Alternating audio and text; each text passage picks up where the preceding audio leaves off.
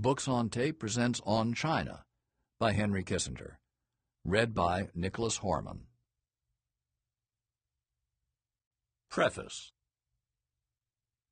Forty years ago, almost to the day, President Richard Nixon did me the honor of sending me to Beijing to reestablish contact with a country central to the history of Asia, with which America had had no high-level contact for over 20 years. The American motive for the opening was to put before our people a vision of peace, transcending the travail of the Vietnam War and the ominous vistas of the Cold War. China, though technically an ally of the Soviet Union, was in quest of maneuvering room to resist a threatened attack from Moscow. In the interval, I have been to China more than 50 times. Like many visitors over the centuries, I have come to admire the Chinese people, their endurance, their subtlety, their family sense, and the culture they represent. At the same time, all my life I have reflected on the building of peace, largely from an American perspective. I have had the good luck of being able to pursue these two strands of thinking simultaneously as a senior official, as a carrier of messages, and as a scholar. This book is an effort, based in part on conversations with Chinese leaders, to explain the conceptual way the Chinese think about problems of peace and war and international order, and its relationship to the more pragmatic, case-by-case -case American approach. Different histories and cultures produce occasionally divergent conclusions. I do not always agree with the Chinese perspective, nor will every reader. But it is necessary to understand it since China will play such a big role in the world that is emerging in the 21st century. Since my first visit, China has become an economic superpower and a major factor in shaping the global political order. The United States has prevailed in the Cold War. The relationship between China and the United States has become a central element in the quest for world peace and global well-being. Eight American presidents and four generations of Chinese leaders have managed this delicate relationship in an astonishingly consistent manner, considering the difference in starting points. Both sides have refused to permit historic legacies or different conceptions of domestic order to interrupt their essentially cooperative relationship. It has been a complex journey, for both societies believe they represent unique values. American exceptionalism is missionary. It holds that the United States has an obligation to spread its values to every part of the world. China's exceptionalism is cultural. China does not proselytize. It does not claim that its contemporary institutions are relevant outside China but it is the heir of the Middle Kingdom tradition, which formally graded all other states as various levels of tributaries, based on their approximation to Chinese cultural and political forms.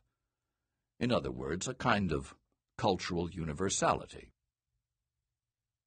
A primary focus of this book is the interaction between Chinese and American leaders since the People's Republic of China was founded in 1949.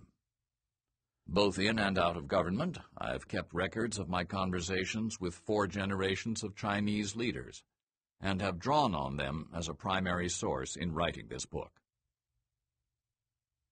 This book could not have been written without the dedicated and able assistance of associates and of friends who permitted me to impose on them for help. Schuyler Schouten was indispensable. He came to my attention eight years ago when Professor John Gaddis of Yale recommended him as one of his ablest students. When I started this project, I asked him to take a two-month leave from his law firm. He did so, and in the process became so involved that he saw the effort through to its end a year later. Schuyler undertook much of the basic research. He helped with the translation of Chinese texts, and even more with penetrating the implications of some of the subtler ones. He was indefatigable during the editing and proofreading phase. I have never had a better research associate, and very rarely one as good. It has been my good fortune to have Stephanie Junger Moat work with me for a decade across the gamut of my activities. She was what, in baseball, they would call the essential utility player. She did research and some editing, and was the principal liaison with the publisher. She checked all the endnotes. She helped coordinate the typing and never hesitated to pitch in when deadlines approached. Her crucial contribution was reinforced by her charm and diplomatic skill. Harry Evans edited White House Years, 30 years ago. He permitted me to impose on our friendship to go over the entire manuscript. His editorial and structural suggestions were numerous and wise. Teresa Amantea and Jody Williams typed the manuscript many times over and spent many evenings and weekends helping meet deadlines. Their good cheer, efficiency, and sharp eye for detail were vital. Stapleton Roy, former ambassador to China and distinguished China scholar. Winston Lord, my associate during the opening to China, and later ambassador to China. And Dick Viets, my literary executor, read several chapters and made insightful comments. John Vanden Heuvel provided helpful research on several chapters. Publishing with the Penguin Press was a happy experience. Ann Godoff was always available, ever insightful, never harassing, and fun to be with. Bruce Giffords, Noirin Lucas, and Tori Close expertly shepherded the book through the editorial production process. Fred Chase copy-edited the manuscript with care and efficiency. Laura Stickney was the book's principal editor. Young enough to be my granddaughter, she was in no way intimidated by the author. She overcame her reservations about my political views sufficiently that I came to look forward to her occasionally acerbic and always incisive comments in the margins of the manuscript. She was indefatigable, perceptive, and vastly helpful. To all these people, I am immensely grateful. The governmental papers on which I drew have all been declassified for some time. I would like to thank in particular the Woodrow Wilson International Center for Scholars Cold War International History Project for permission to use extended excerpts from their archive of declassified Russian and Chinese documents. The Carter Library helpfully made available many of the transcripts of meetings with Chinese leaders during the Carter presidency, and the Reagan Library provided numerous useful documents from their files. Needless to say, the shortcomings of the book are my own. As always, over half a century, my wife Nancy provided her staunch, moral, and intellectual support amidst the solitude authors, or at least this author, generate around themselves when writing. She read most of the chapters and made innumerable important suggestions. I have dedicated On China to Annette and Oscar de la Renta. I started the book in their home in Punta Cana and finished it there. Their hospitality has been only one facet of a friendship that has added joy and depth to my life. Henry Kissinger, New York, January 2011. Prologue In October 1962, China's revolutionary leader Mao Zedong summoned his top military and political commanders to meet with him in Beijing 2,000 miles to the west, in the forbidding and sparsely populated terrain of the Himalayas, Chinese and Indian troops were locked in a standoff over the two countries' disputed border. The dispute arose over different versions of history. India claimed the frontier demarcated during British rule, China the limits of Imperial China. India had deployed its outposts to the edge of its conception of the border. China had surrounded the Indian positions. Attempts to negotiate a territorial settlement had foundered. Mao had decided to break the stalemate. He reached far back into the classical Chinese tradition that he was otherwise in the process of dismantling.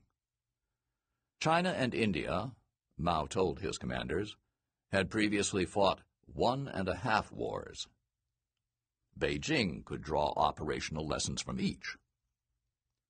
The First War had occurred over 1,300 years earlier, during the Tang Dynasty, 618 to 907 when China dispatched troops to support an Indian kingdom against an illegitimate and aggressive rival. After China's intervention, the two countries had enjoyed centuries of flourishing religious and economic exchange. The lesson learned from the ancient campaign, as Mao described it, was that China and India were not doomed to perpetual enmity. They could enjoy a long period of peace again but to do so, China had to use force to knock India back to the negotiating table. The half war, in Mao's mind, had taken place 700 years later, when the Mongol ruler Tamerlane sacked Delhi. Mao reasoned that since Mongolia and China were then part of the same political entity, this was a half Sino-Indian war. Tamerlane had won a significant victory, but once in India, his army had killed over 100,000 prisoners. This time, Mao enjoined his Chinese forces to be restrained and principled. No one in Mao's audience, the Communist Party leadership of a revolutionary New China proclaiming its intent to remake the international order and abolish China's own feudal past, seems to have questioned the relevance of these ancient precedents to China's current strategic imperatives. Planning for an attack continued on the basis of the principles Mao had outlined. Weeks later, the offensive proceeded much as he described. China executed a sudden, devastating blow on the Indian positions, and then retreated to the previous line of control, even going so far as to return the captured Indian heavy weaponry.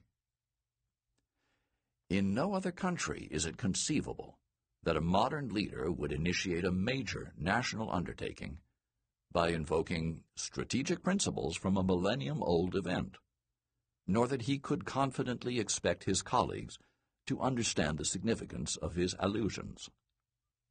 Yet China is singular.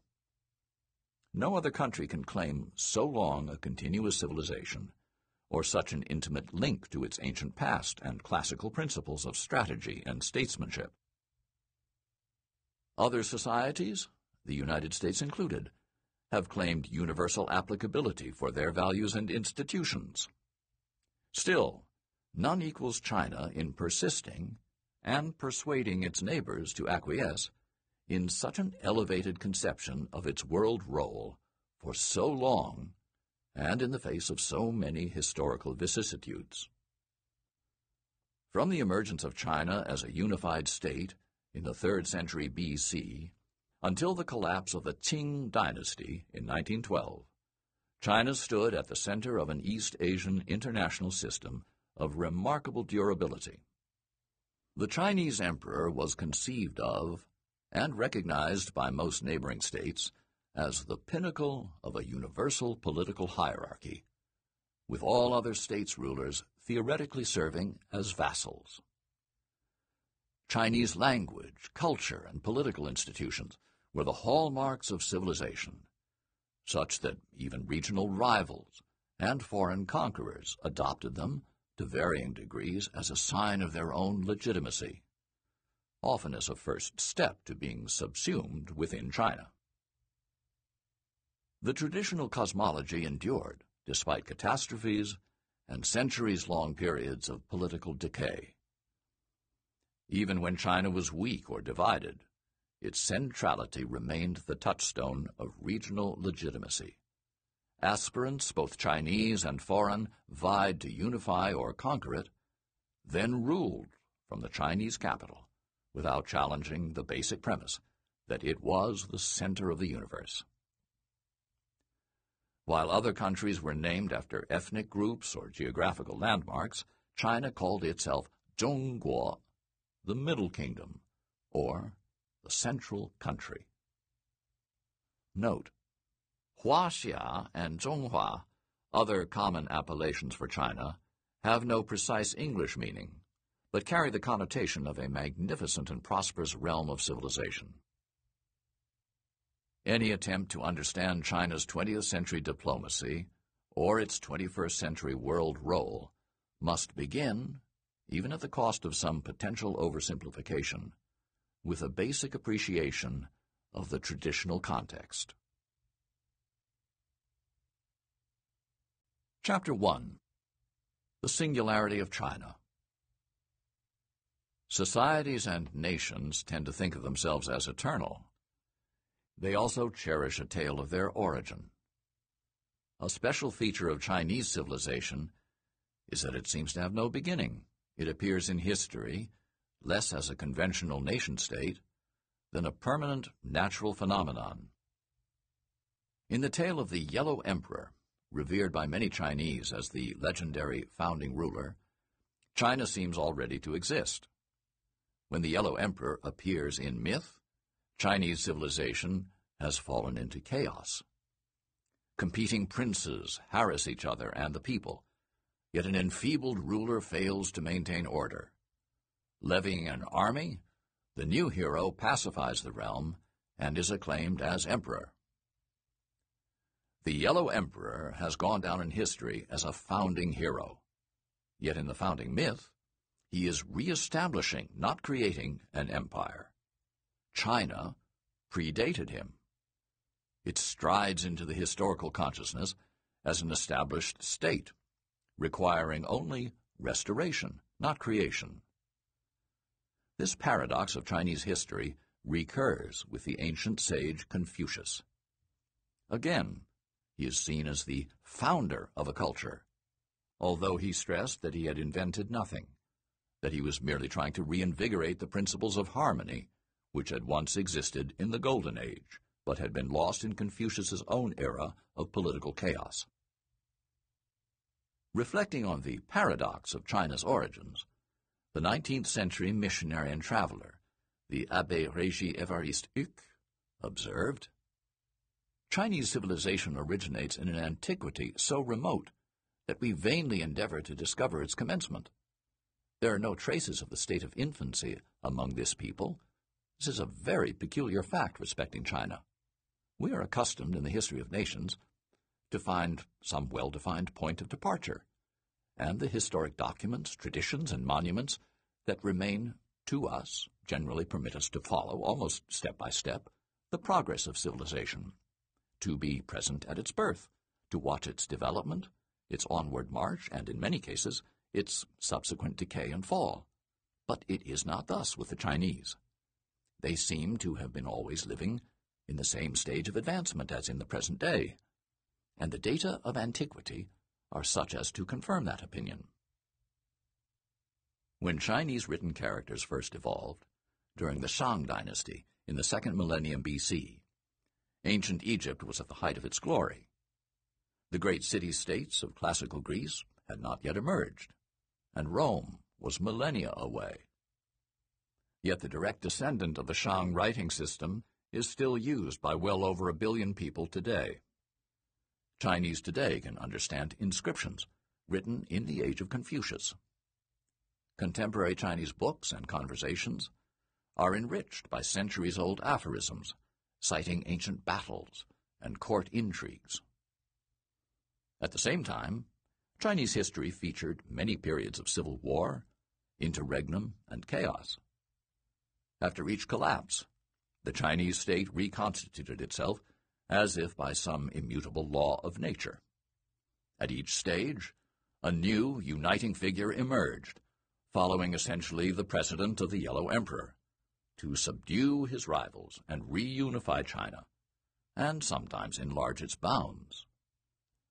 The famous opening of The Romance of the Three Kingdoms, a 14th century epic novel treasured by centuries of Chinese, including Mao, who is said to have pored over it almost obsessively in his youth, evokes this continuous rhythm. The empire, long divided, must unite. Long united, must divide. Thus it has ever been. Each period of disunity was viewed as an aberration. Each new dynasty reached back to the previous dynasty's principles of governance in order to re-establish continuity. The fundamental precepts of Chinese culture endured, tested by the strain of periodic calamity. Before the seminal event of Chinese unification in 221 BC, there had been a millennium of dynastic rule that gradually disintegrated as the feudal subdivisions evolved from autonomy to independence. The culmination was two and a half centuries of turmoil, recorded in history as the Warring States period, 475 to 221 BC. Its European equivalent would be the interregnum between the Treaty of Westphalia in 1648 and the end of the Second World War, when a multiplicity of European states was struggling for preeminence within the framework of the balance of power. After 221 BC, China maintained the ideal of empire and unity, but followed the practice of fracturing, then reuniting, in cycles sometimes lasting several hundred years. When the state fractured, wars between the various components were fought savagely. Mao once claimed that the population of China declined from 50 million to 10 million during the so-called Three Kingdoms period, AD 220 to 80. And the conflict among the contending groups between the two world wars of the 20th century was extremely bloody as well. At its ultimate extent, the Chinese cultural sphere stretched over a continental area much larger than any European state, indeed about the size of continental Europe. Chinese language and culture, and the emperor's political writ, expanded to every known terrain, from the steppe lands and pine forests in the north shading into Siberia, to the tropical jungles and terraced rice farms in the south. From the east coast, with its canals, ports, and fishing villages, to the stark deserts of Central Asia and the ice-capped peaks of the Himalayan frontier. The extent and variety of this territory bolstered the sense that China was a world unto itself. It supported a conception of the emperor as a figure of universal consequence, presiding over Tian Xia, or all under heaven. The era of Chinese preeminence through many millennia of Chinese civilization, China was never obliged to deal with other countries or civilizations that were comparable to it in scale and sophistication. India was known to the Chinese, as Mao later noted, but for much of history it was divided into separate kingdoms. The two civilizations exchanged goods and Buddhist influences along the Silk Road, but were elsewhere walled off from casual contact by the almost impenetrable Himalayas and the Tibetan Plateau. The massive and forbidding deserts of Central Asia separated China from the Near Eastern cultures of Persia and Babylonia, and even more from the Roman Empire. Trade caravans undertook intermittent journeys, but China as a society did not engage societies of comparable scale and achievement. Though China and Japan shared a number of core cultural and political institutions, neither was prepared to recognize the other's superiority. Their solution was to curtail contact for centuries at a time. Europe was even further away, in what the Chinese considered the Western Oceans, by definition inaccessible to Chinese culture and pitiably incapable of acquiring it as the Emperor told a British envoy in 1793. The territorial claims of the Chinese Empire stopped at the water's edge. As early as the Song dynasty, 960 to 1279, China led the world in nautical technology. Its fleets could have carried the empire into an era of conquest and exploration. Yet China acquired no overseas colonies and showed relatively little interest in the countries beyond its coast. It developed no rationale for venturing abroad to convert the barbarians to Confucian principles or Buddhist virtues. When the conquering Mongols commandeered the Song fleet and its experienced captains, they mounted two attempted invasions of Japan. Both were turned back by inclement weather, the kamikaze, or divine wind, of Japanese lore. Yet when the Mongol dynasty collapsed, the expeditions, though technically feasible, were never again attempted. No Chinese leader ever articulated a rationale for why China would want to control the Japanese archipelago. But in the early years of the Ming Dynasty, between 1405 and 1433, China launched one of history's most remarkable and mysterious naval enterprises. Admiral Zheng He set out in fleets of technologically unparalleled treasure ships to destinations as far as Java, India, the Horn of Africa, and the Strait of Hormuz. At the time of Zheng's voyages, the European age of exploration had not yet begun. China's fleet possessed what would have seemed an unbridgeable technological advantage. In the size, sophistication, and number of its vessels, it dwarfed the Spanish Armada, which was still 150 years away. Historians still debate the actual purpose of these missions. Zheng He was a singular figure in the age of exploration. A Chinese Muslim eunuch, conscripted into imperial service as a child, he fits no obvious historical precedent. At each stop on his journeys, he formally proclaimed the magnificence of China's new emperor, bestowed lavish gifts on the rulers he encountered, and invited them to travel in person or send envoys to China. There they were to acknowledge their place in the Sinocentric world order by performing the ritual kowtow to acknowledge the emperor's superiority. Yet beyond declaring China's greatness and issuing invitations to portentous ritual, Zheng He displayed no territorial ambition. He brought back only gifts or tribute. He claimed no colonies or resources for China beyond the metaphysical bounty of extending the limits of all under heaven. At most, he can be said to have created favorable conditions for Chinese merchants through a kind of early exercise of Chinese soft power. Zheng He's expeditions stopped abruptly in 1433, coincident with the recurrence of threats along China's northern land frontier. The next emperor ordered the fleet dismantled, and the records of Zheng He's voyages destroyed. The expeditions were never repeated. Though Chinese traders continued to ply the routes Zheng He sailed, China's naval abilities faded, so much so that the Ming rulers' response to the subsequent menace of piracy off China's southeast coast was to attempt a forced migration of the coastal population ten miles inland. China's naval history was thus a hinge that failed to swing. Technically capable of dominance, China retired voluntarily from the field of naval exploration, just as Western interest was beginning to take hold. China's splendid isolation nurtured a particular Chinese self-perception. Chinese elites grew accustomed to the notion that China was unique. Not just a great civilization among others, but civilization itself.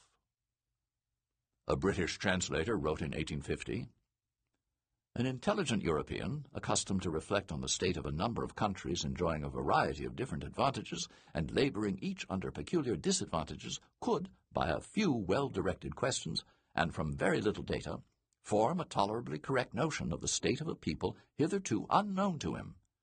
But it would be a great error to suppose that this is the case with the Chinese. Their exclusion of foreigners and confinement to their own country has, by depriving them of all opportunities of making comparisons, sadly circumscribed their ideas. They are thus totally unable to free themselves from the dominion of association and judge everything by rules of purely Chinese convention. China knew, of course, of different societies around its periphery in Korea, Vietnam, Thailand, Burma. But in the Chinese perception, China was considered the center of the world, the Middle Kingdom, and other societies were assessed as gradations from it. As the Chinese saw it, a host of lesser states that imbibed Chinese culture and paid tribute to China's greatness constituted the natural order of the universe. The borders between China and the surrounding peoples were not so much political and territorial demarcations as cultural differentiations. The outward radiance of Chinese culture throughout East Asia led the American political scientist Lucian Pye to comment famously that in the modern age, China remains a civilization pretending to be a nation state. The pretensions underlying this traditional Chinese world order endured well into the modern era. As late as 1863, China's emperor, himself a member of a foreign Manchu dynasty that had conquered China two centuries earlier, dispatched a letter informing Abraham Lincoln of China's commitment to good relations with the United States.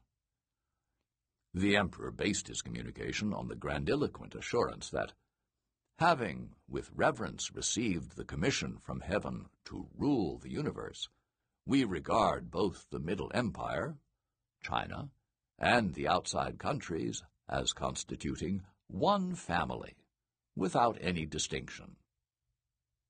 Note Anticipating that his colleagues in Washington would object to this proclamation of Chinese universal jurisdiction, the American envoy in Beijing obtained an alternate translation and textual exegesis from a local British expert. The latter explained that the offending expression, literally, to soothe and bridle the world, was a standard formulation, and that the letter to Lincoln was in fact a, by the Chinese court standards, particularly modest document whose phrasing indicated genuine goodwill. When the letter was dispatched, China had already lost two wars with the Western powers, which were busy staking out spheres of interest in Chinese territory. The emperor seems to have treated these catastrophes as similar to other barbarian invasions that were overcome in the end by China's endurance and superior culture. For most of history, there was, in fact, nothing particularly fanciful about Chinese claims. With each generation, the Han Chinese had expanded from their original base in the Yellow River Valley, gradually drawing neighboring societies into various stages of approximation of Chinese patterns. Chinese scientific and technological achievements equaled and frequently outstripped those of their Western European, Indian, and Arab counterparts. Not only was the scale of China traditionally far beyond that of the European states in population and in territory, until the Industrial Revolution, China was far richer. United by a vast system of canals connecting the great rivers and population centers, China was, for centuries, the world's most productive economy and most populous trading area. But since it was largely self-sufficient, other regions had only peripheral comprehension of its vastness and its wealth. In fact, China produced a greater share of total world GDP than any Western society in 18 of the last 20 centuries. As late as 1820, it produced over 30% of world GDP, an amount exceeding the GDP of Western Europe, Eastern Europe, and the United States combined. Western observers encountering China in the early modern era were stunned by its vitality and material prosperity. Writing in 1736, the French Jesuit Jean-Baptiste du Halde summed up the awestruck reactions of Western visitors to China.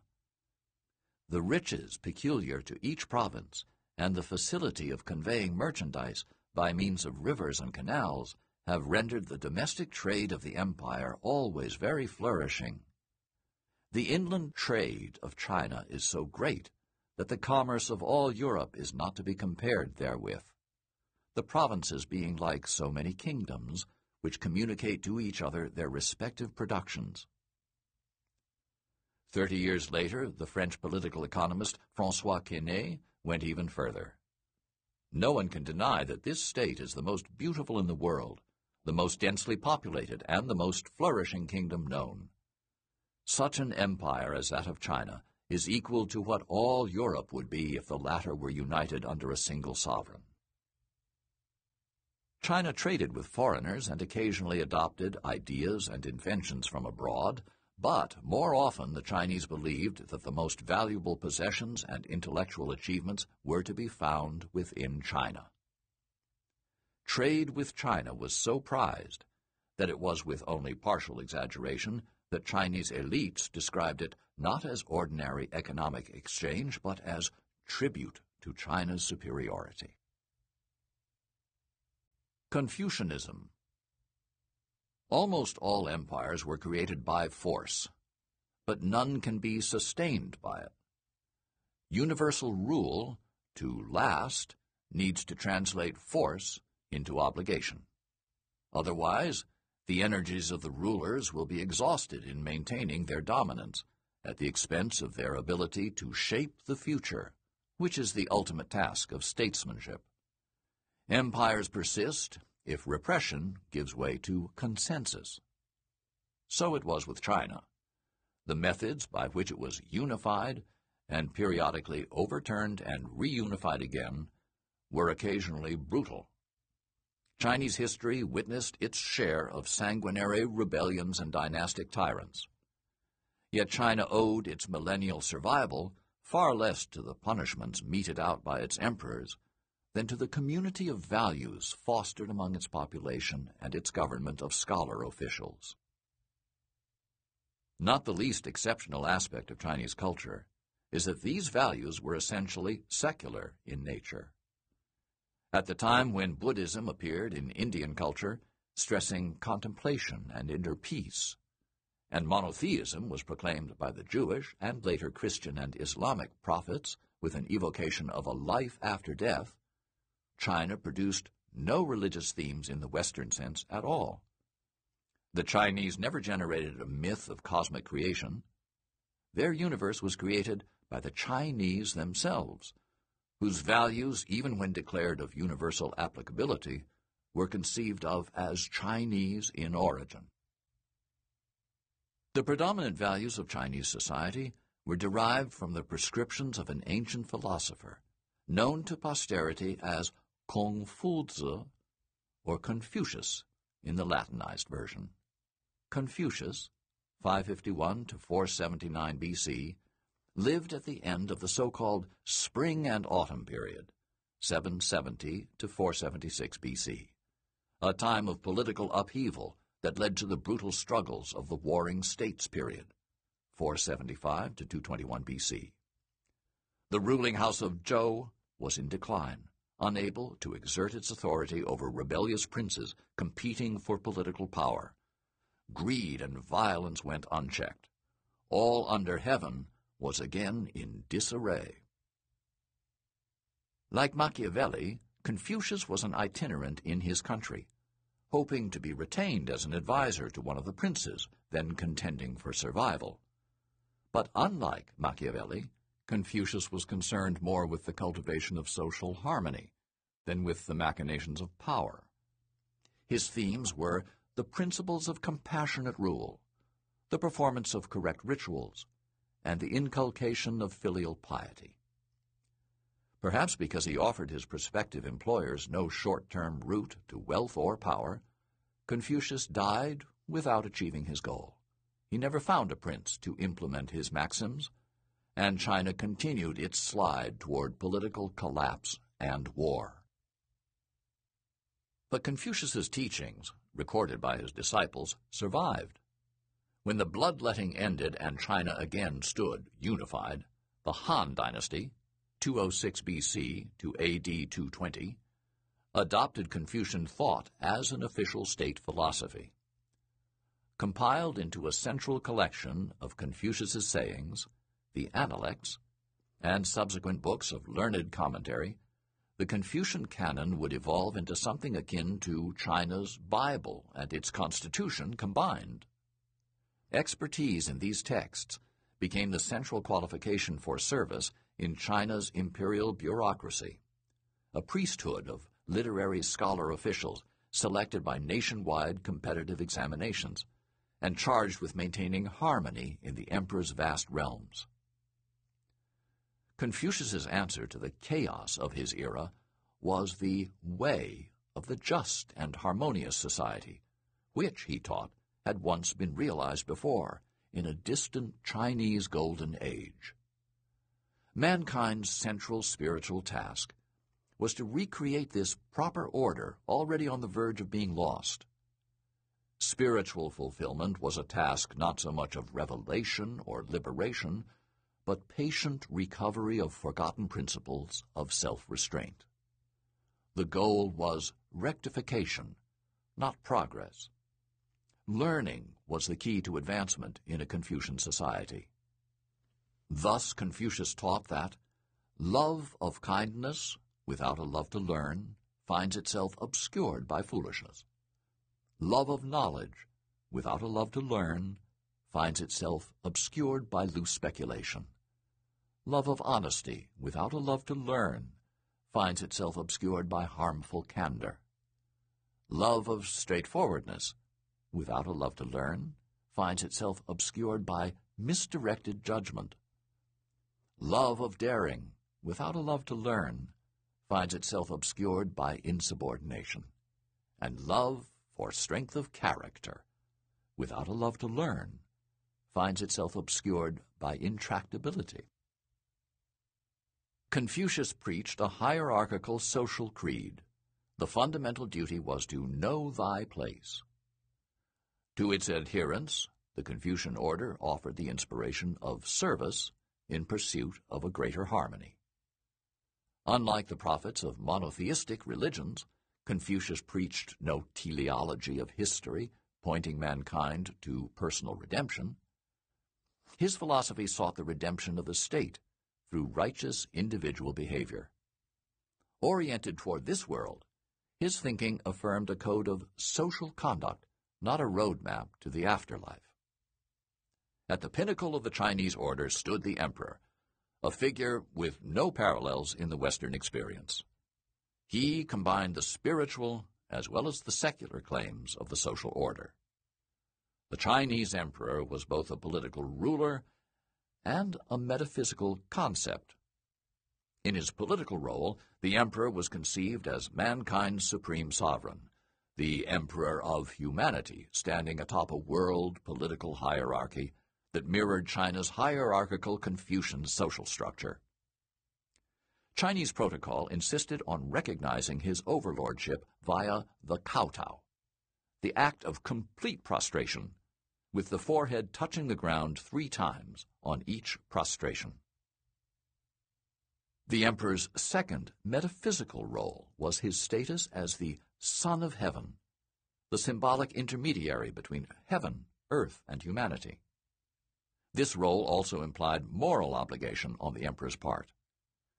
Through humane conduct, performance of correct rituals, and occasional stern punishments, the emperor was perceived as the linchpin of the great harmony of all things, great and small.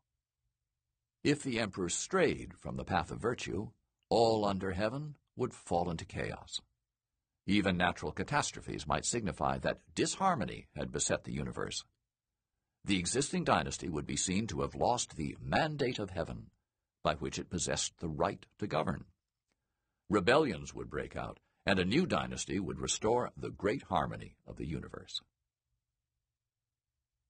Concepts of international relations impartiality or equality. Just as there are no great cathedrals in China, there are no Blenheim palaces. Aristocratic political grandees, like the Duke of Marlborough, who built Blenheim, did not come into being. Europe entered the modern age a welter of political diversity. Independent princes and dukes and counts, cities that governed themselves, the Roman Catholic Church, which claimed an authority outside of state purview, and Protestant groups which aspired to building their own self-governing civil societies. By contrast, when it entered the modern period, China had for well over 1,000 years a fully formed imperial bureaucracy recruited by competitive examination, permeating and regulating all aspects of the economy and society. The Chinese approach to world order was thus vastly different from the system that took hold in the West. The modern Western conception of international relations emerged in the 16th and 17th centuries, when the medieval structure of Europe dissolved into a group of states of approximately equal strength, and the Catholic Church split into various denominations. Balance of power diplomacy was less a choice than an inevitability. No state was strong enough to impose its will. No religion retained sufficient authority to sustain universality. The concept of sovereignty and the legal equality of states became the basis of international law and diplomacy. China, by contrast, was never engaged in sustained contact with another country on the basis of equality, for the simple reason that it never encountered societies of comparable culture or magnitude. That the Chinese Empire should tower over its geographical sphere was taken virtually as a law of nature an expression of the mandate of heaven. For Chinese emperors, the mandate did not necessarily imply an adversarial relationship with neighboring peoples. Preferably, it did not. Like the United States, China thought of itself as playing a special role. But it never espoused the American notion of universalism to spread its values around the world. It confined itself to controlling the barbarians immediately at its doorstep it strove for tributary states, like Korea, to recognize China's special status, and in return, it conferred benefits, such as trading rights. As for the remote barbarians, such as Europeans, about whom they knew little, the Chinese maintained a friendly, if condescending, aloofness. They had little interest in converting them to Chinese ways. The founding emperor of the Ming dynasty expressed this view in 1372 countries of the Western Ocean are rightly called distant regions. They come to us across the seas, and it is difficult for them to calculate the year and month of arrival. Regardless of their numbers, we treat them on the principle of those who come modestly are sent off generously. The Chinese emperors felt it was impractical to contemplate influencing countries that nature had given the misfortune of locating at such a great distance from China. In the Chinese version of exceptionalism, China did not export its ideas, but let others come to seek them. Neighboring peoples, the Chinese believed, benefited from contact with China and civilization so long as they acknowledged the suzerainty of the Chinese government. Those who did not were barbarian. Subservience to the emperor and observance of imperial rituals was the core of culture. When the empire was strong, this cultural sphere expanded. All under heaven was a multinational entity comprising the ethnic Han Chinese majority and numerous non-Han Chinese ethnic groups. In official Chinese records, foreign envoys did not come to the imperial court to engage in negotiations or affairs of state. They came to be transformed by the emperor's civilizing influence. The emperor did not hold summit meetings with other heads of state. Instead, audiences with him represented the tender cherishing of men from afar, who brought tribute to recognize his overlordship. When the Chinese court deigned to send envoys abroad, they were not diplomats, but heavenly envoys from the celestial court. The organization of the Chinese government reflected the hierarchical approach to world order. China handled ties with tribute-paying states such as Korea, Thailand, and Vietnam through the Ministry of Rituals, implying that diplomacy with these peoples was but one aspect of the larger metaphysical task of administering the Great Harmony. With less sinicized mountain tribes to the north and west, China came to rely on a court of dependencies, analogous to a colonial office, whose mission was to invest vassal princes with titles and maintain peace on the frontier. Only under the pressure of Western incursions in the 19th century did China establish something analogous to a foreign ministry to manage diplomacy as an independent function of government, in 1861 after the defeat in two wars with the Western powers. It was considered a temporary necessity to be abolished once the immediate crisis subsided.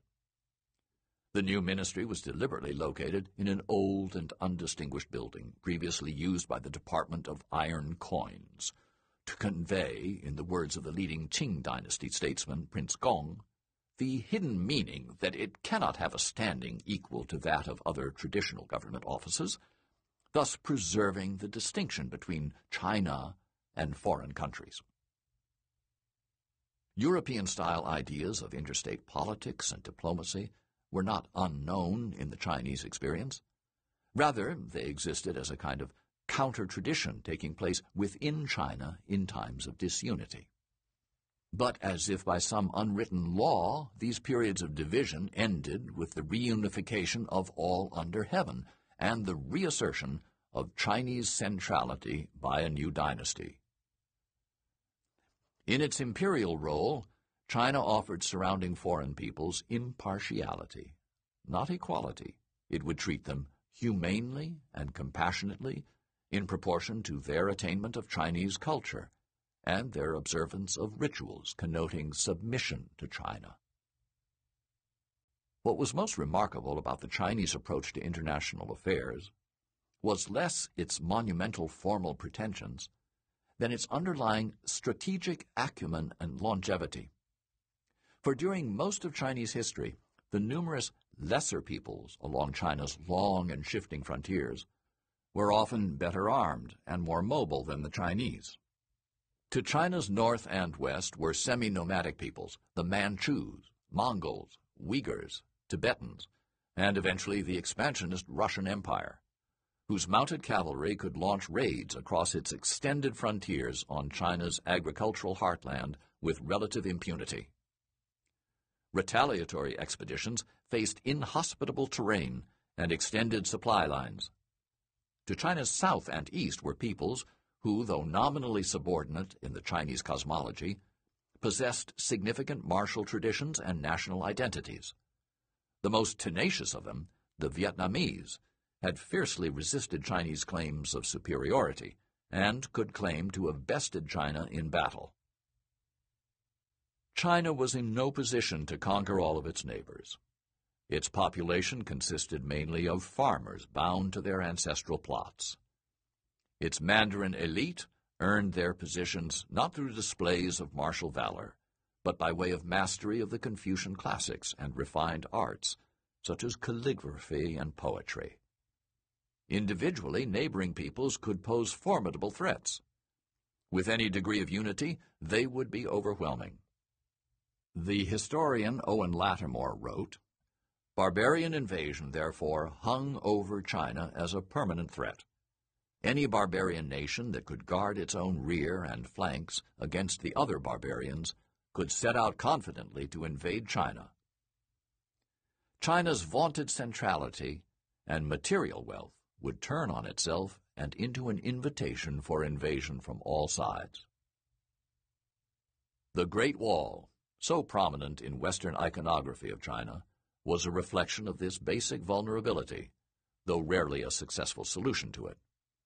Instead, Chinese statesmen relied on a rich array of diplomatic and economic instruments to draw potentially hostile foreigners into relationships the Chinese could manage the highest aspiration was less to conquer, though China occasionally mounted major military campaigns, than to deter invasion and prevent the formation of barbarian coalitions. Through trade incentives and skillful use of political theater, China coaxed neighboring peoples into observing the norms of Chinese centrality, while projecting an image of awesome majesty to deter potential invaders from testing China's strength.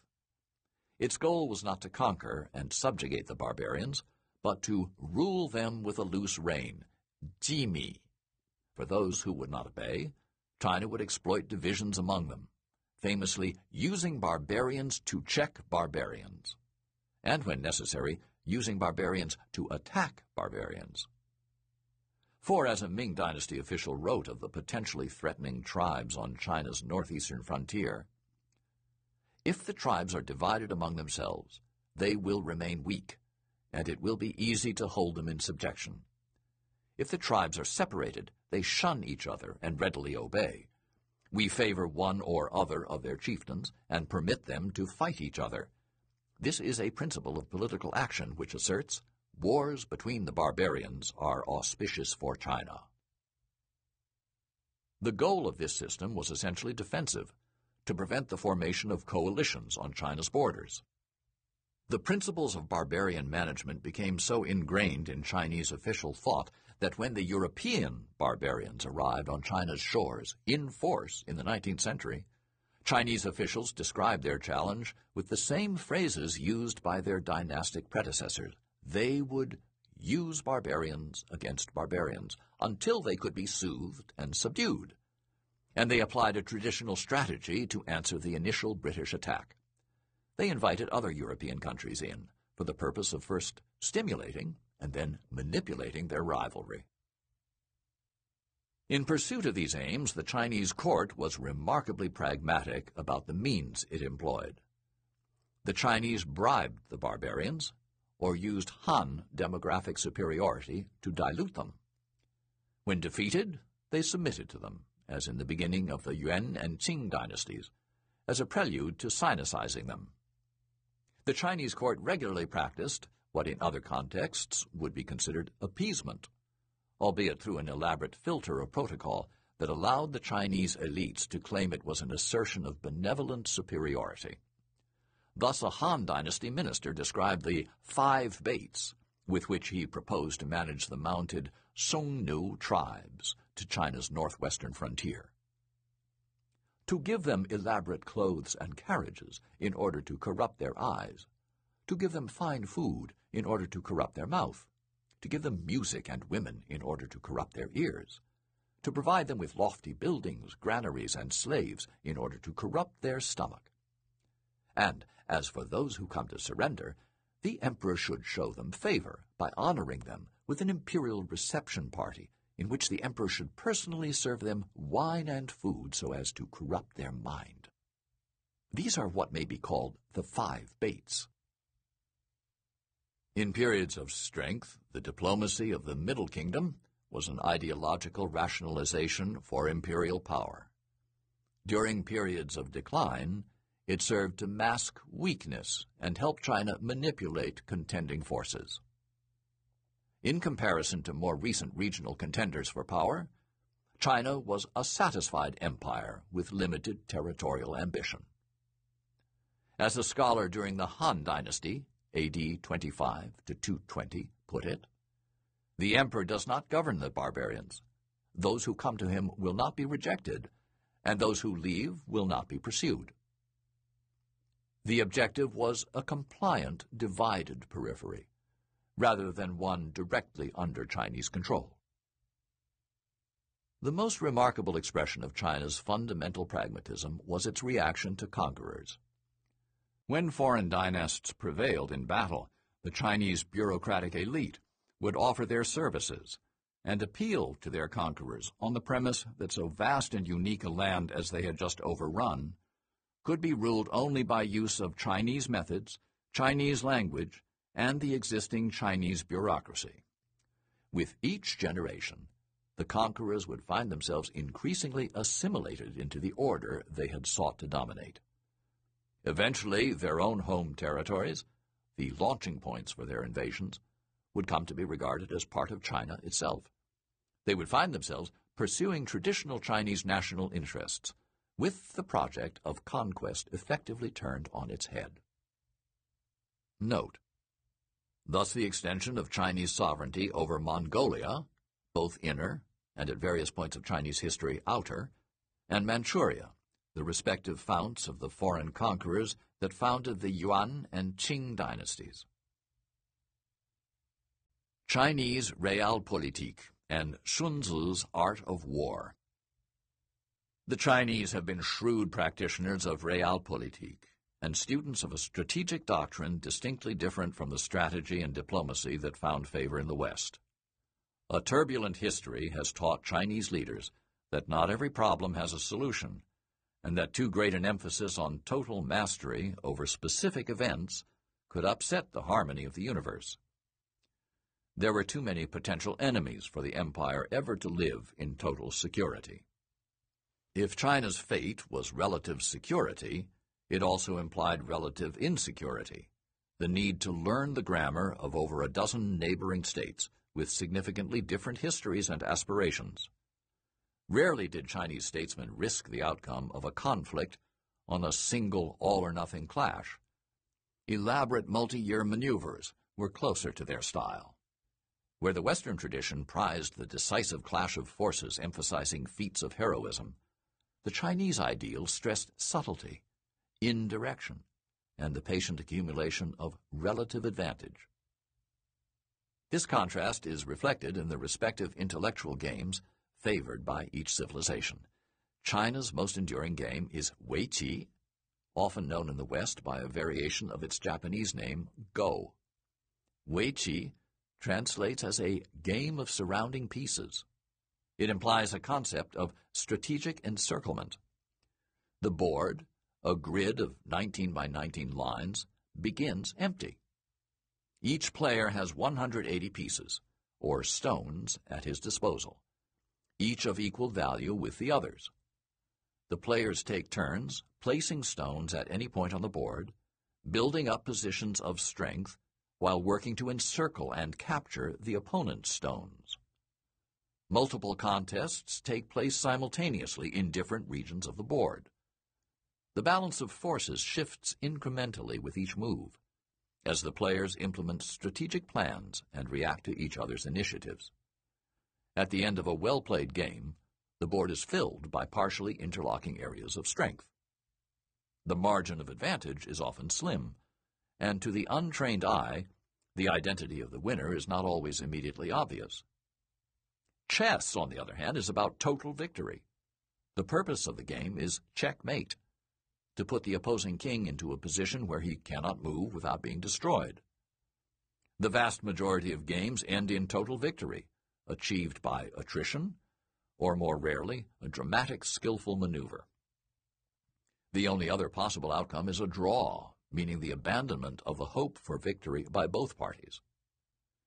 If chess is about the decisive battle, Wei Weiqi is about the protracted campaign. The chess player aims for total victory.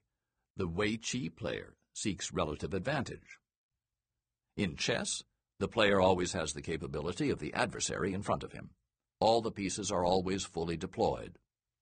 The Wei Weiqi player needs to assess not only the pieces on the board, but the reinforcements the adversary is in a position to deploy. Chess teaches the Clausewitzian concepts of center of gravity and the decisive point, the game usually beginning as a struggle for the center of the board.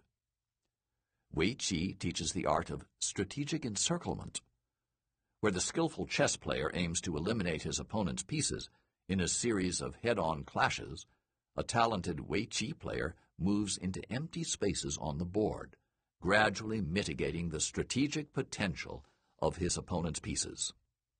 Chess produces single-mindedness. Wei Weiqi generates strategic flexibility. A similar contrast exists in the case of China's distinctive military theory. Its foundations were laid during a period of upheaval, when ruthless struggles between rival kingdoms decimated China's population. Reacting to this slaughter, and seeking to emerge victorious from it, Chinese thinkers developed strategic thought that placed a premium on victory through psychological advantage and preached the avoidance of direct conflict. The seminal figure in this tradition is known to history as Sun Tzu, or Master Sun author of the famed treatise The Art of War. Intriguingly, no one is sure exactly who he was. Since ancient times, scholars have debated the identity of The Art of War's author and the date of its composition. The book presents itself as a collection of sayings by one Sun Wu, a general and wandering military adviser from the spring and autumn period of Chinese history, 770 to 476 BC as recorded by his disciples. Some Chinese and later Western scholars have questioned whether such a Master Sun existed. or if he did, whether he was in fact responsible for the art of war's contents. Note: A convincing case has been made that the art of war is the work of a later, though still ancient author during the Warring States period, and that he sought to imbue his ideas with greater legitimacy by backdating them to the era of Confucius. Well over 2,000 years after its composition, this volume of epigrammatic observations on strategy, diplomacy, and war, written in classical Chinese, halfway between poetry and prose, remains a central text of military thought. Its maxims found vivid expression in the 20th century Chinese Civil War at the hands of Sun Tzu's student Mao Zedong, and in the Vietnam Wars, as Ho Chi Minh and Vo Nguyen Giap employed Sun Tzu's principles of indirect attack and psychological combat against France and then the United States.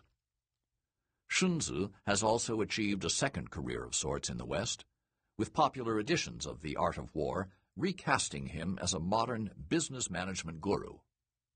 Even today, Sun Tzu's text reads with a degree of immediacy and insight that places him among the ranks of the world's foremost strategic thinkers.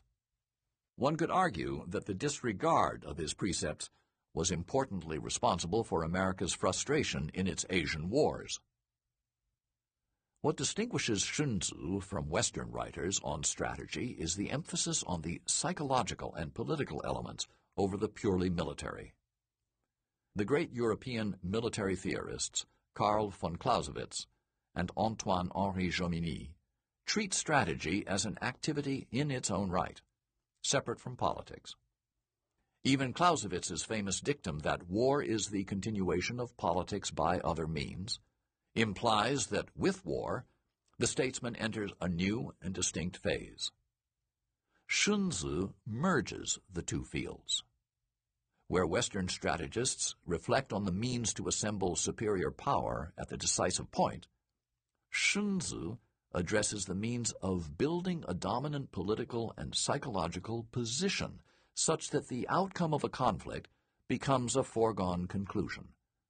Western strategists test their maxims by victories in battles. Sun Tzu tests by victories where battles have become unnecessary. Sun Tzu's text on war does not have the quality of exaltation of some European literature on the subject, nor does it appeal to personal heroism. Its somber quality is reflected in the portentous opening of The Art of War. War is a grave affair of the state. It is a place of life and death, a road to survival and extinction, a matter to be pondered carefully. And because the consequences of war are so grave, Prudence is the value most to be cherished. A ruler must never mobilize his men out of anger. A general must never engage in battle out of spite. Anger can turn to pleasure. Spite can turn to joy. But a nation destroyed cannot be put back together again. A dead man cannot be brought back to life. So the enlightened ruler is prudent. The effective general is cautious. This is the way to keep a nation at peace and an army intact. What should a statesman be prudent about? For Sun Tzu, victory is not simply the triumph of armed forces. Instead, it is the achievement of the ultimate political objectives that the military clash was intended to secure. Far better than challenging the enemy on the field of battle is undermining an enemy's morale or maneuvering him into an unfavorable position from which escape is impossible. Because war is a desperate and complex enterprise, self-knowledge is crucial. Strategy resolves itself into a psychological contest. Ultimate excellence lies not in winning, every battle, but in defeating the enemy without ever fighting. The highest form of warfare is to attack the enemy's strategy itself. The next, to attack his alliances. The next, to attack armies. The lowest form of war is to attack cities. Siege warfare is a last resort. The skillful strategist defeats the enemy without doing battle, captures the city without laying siege, overthrows the enemy state without protracted war. Ideally, the commander would achieve a position of such dominance that he could avoid battle entirely, or else he would use arms to deliver a coup de grace after extensive analysis and logistical, diplomatic, and psychological preparation. Thus, Sun counsel that the victorious army is victorious first and seeks battle later. The defeated army does battle first and seeks victory later. Because attacks on an opponent's strategy and his alliances involve psychology and perception, Sun Tzu places considerable emphasis on the use of subterfuge and misinformation. When able, he counseled, feign inability. When deploying troops, appear not to be. When near, appear far. When far, appear near. To the commander following Sun Tzu's precepts, a victory achieved indirectly through deception or manipulation is more humane and surely more economical than a triumph by superior force. The art of war advises the commander to induce his opponent into accomplishing the commander's own aims, or force him into a position so impossible that he opts to surrender his army or state unharmed. Perhaps Sun Tzu's most important insight was that in a military or strategic contest, everything is relevant and connected weather, terrain, diplomacy, the reports of spies and double agents, supplies and logistics, the balance of forces, historic perceptions, the intangibles of surprise, and morale. Each factor influences the others, giving rise to subtle shifts in momentum and relative advantage. There are no isolated events. Hence, the task of a strategist is less to analyze a particular situation than to determine its relationship to the context in which it occurs. No particular constellation is ever static. Any pattern is temporary and, in essence, evolving. The strategist must capture the direction of that evolution and make it serve his ends. Sun Tzu uses the word shi for that quality, a concept with no direct Western counterpart. In the military context, shi connotes the strategic trend and potential energy of a developing situation, the power inherent in the particular arrangement of elements and its developmental tendency. In The Art of War, the word connotes the ever-changing configuration of forces as well as their general trend.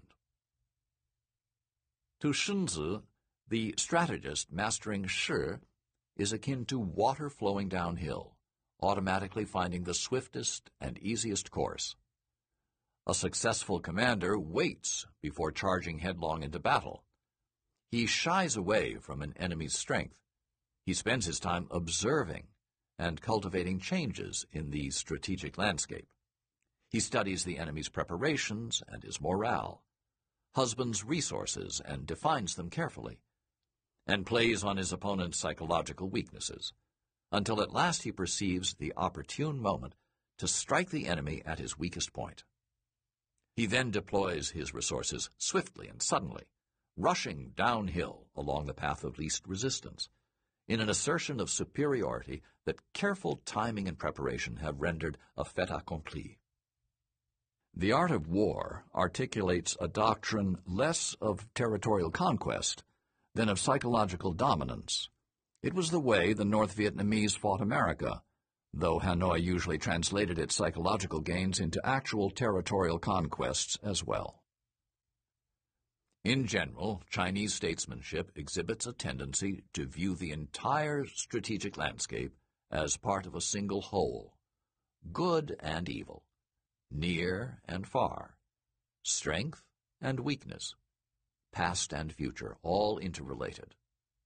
In contrast to the Western approach of treating history as a process of modernity achieving a series of absolute victories over evil and backwardness, the traditional Chinese view of history emphasized a cyclical process of decay and rectification, in which nature and the world can be understood but not completely mastered. The best that can be accomplished is to grow into harmony with it. Strategy and statecraft become means of combative coexistence with opponents. The goal is to maneuver them into weakness while building up one's own sure or strategic position. This maneuvering approach is, of course, the ideal and not always the reality. Throughout their history, the Chinese have had their share of unsubtle and brutal conflicts, both at home and occasionally abroad. Once these conflicts erupted, such as during the unification of China under the Qin dynasty, the clashes of the Three Kingdoms period, the quelling of the Taiping Rebellion, and the 20th century Civil War, China was subjected to wholesale loss of life on a level comparable to the European world wars. The bloodiest conflicts occurred as a result of the breakdown of the internal Chinese system. In other words, as an aspect of internal adjustments of a state for which domestic stability and protection against looming foreign invasion are equal concerns. For China's classical sages, the world could never be conquered. Wise rulers could hope only to harmonize with its trends. There was no new world to populate, no redemption awaiting mankind on distant shores. The promised land was China, and the Chinese were already there. The blessings of the Middle Kingdom's culture might theoretically be extended by China's superior example to the foreigners on the empire's periphery. But there was no glory to be found in venturing across the seas to convert heathens to Chinese ways. The customs of the celestial dynasty were plainly beyond the attainment of the far barbarians.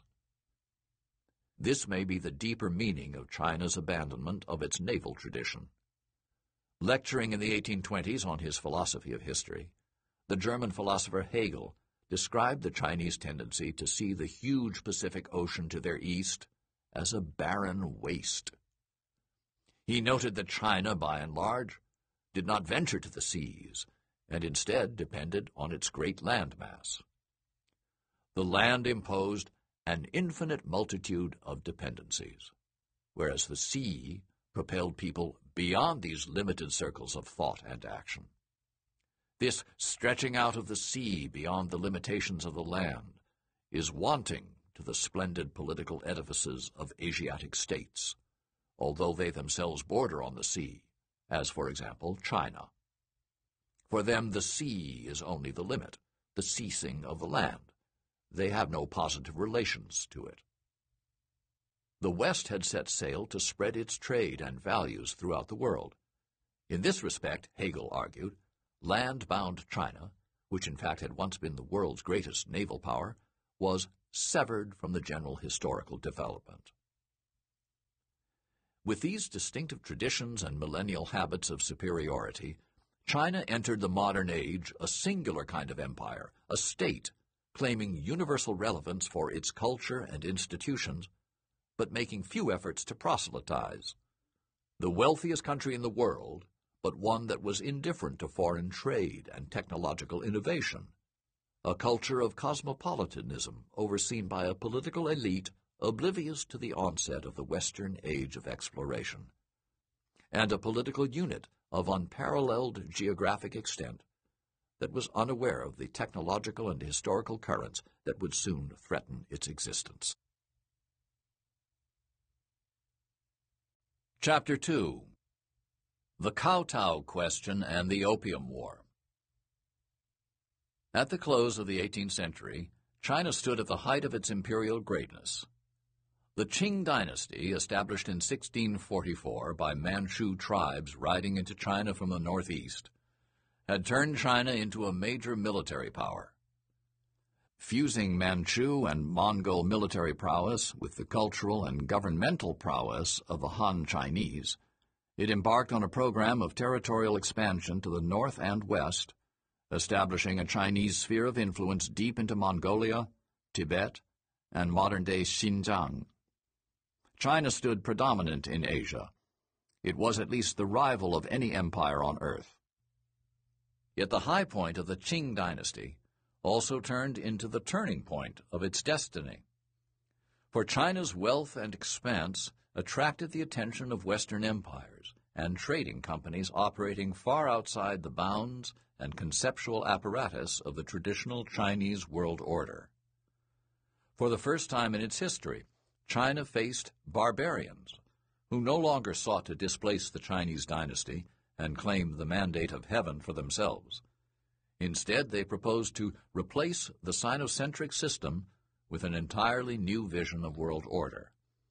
With free trade rather than tribute, resident embassies in the Chinese capital, and a system of diplomatic exchange that did not refer to non-Chinese heads of state as honorable barbarians pledging fealty to their emperor in Beijing.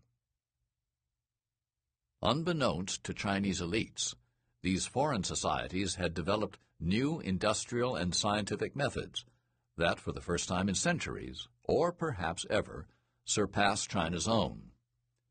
Steam power, railways, and new methods of manufacturing and capital formation enabled enormous advances in productivity in the West.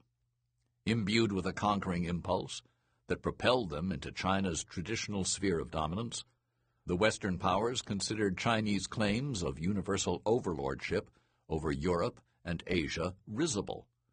They were determined to impose on China their own standards of international conduct, by force if necessary. The resulting confrontation challenged the basic Chinese cosmology and left wounds still festering over a century later in an age of restored Chinese eminence. Beginning in the 17th century, Chinese authorities had noted the increasing numbers of European traders on the southeast China coast. They saw little to differentiate the Europeans from other foreigners operating at the fringes of the empire, save, perhaps, their particularly glaring lack of Chinese cultural attainments. In the official Chinese view, these West Sea barbarians were classified as tribute envoys, or barbarian merchants. On rare occasions, some were permitted to travel to Beijing, where, if admitted into the presence of the emperor, they were expected to perform the ritual kowtow, the act of prostration with the forehead touching the ground three times. For foreign representatives, the points of entry into China and routes to the capital were strictly circumscribed. Access to the Chinese market was limited to a tightly regulated seasonal trade at Guangzhou, then known as Canton. Each winter, foreign merchants were required to sail home. They were not permitted to venture further to China. Regulations deliberately held them at bay. It was unlawful to teach the Chinese language to these barbarians, or to sell them books on Chinese history or culture.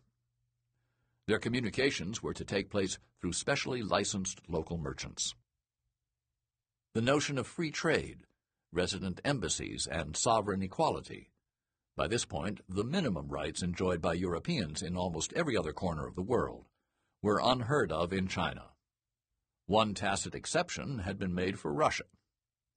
Its rapid eastward expansion, the Tsar's domains now abutted Qing territories in Xinjiang, Mongolia, and Manchuria, placed it in a unique position to threaten China.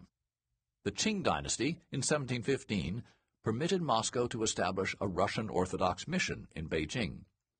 It eventually took on the role of a de facto embassy, the only foreign mission of its kind in China for over a century. The contracts extended to Western European traders, limited as they were, were seen by the Qing as a considerable indulgence.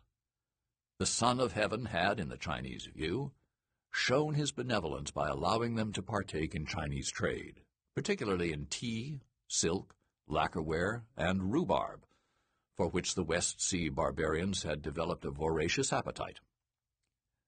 Europe was too far from the Middle Kingdom ever to become Sinicized along Korean or Vietnamese lines.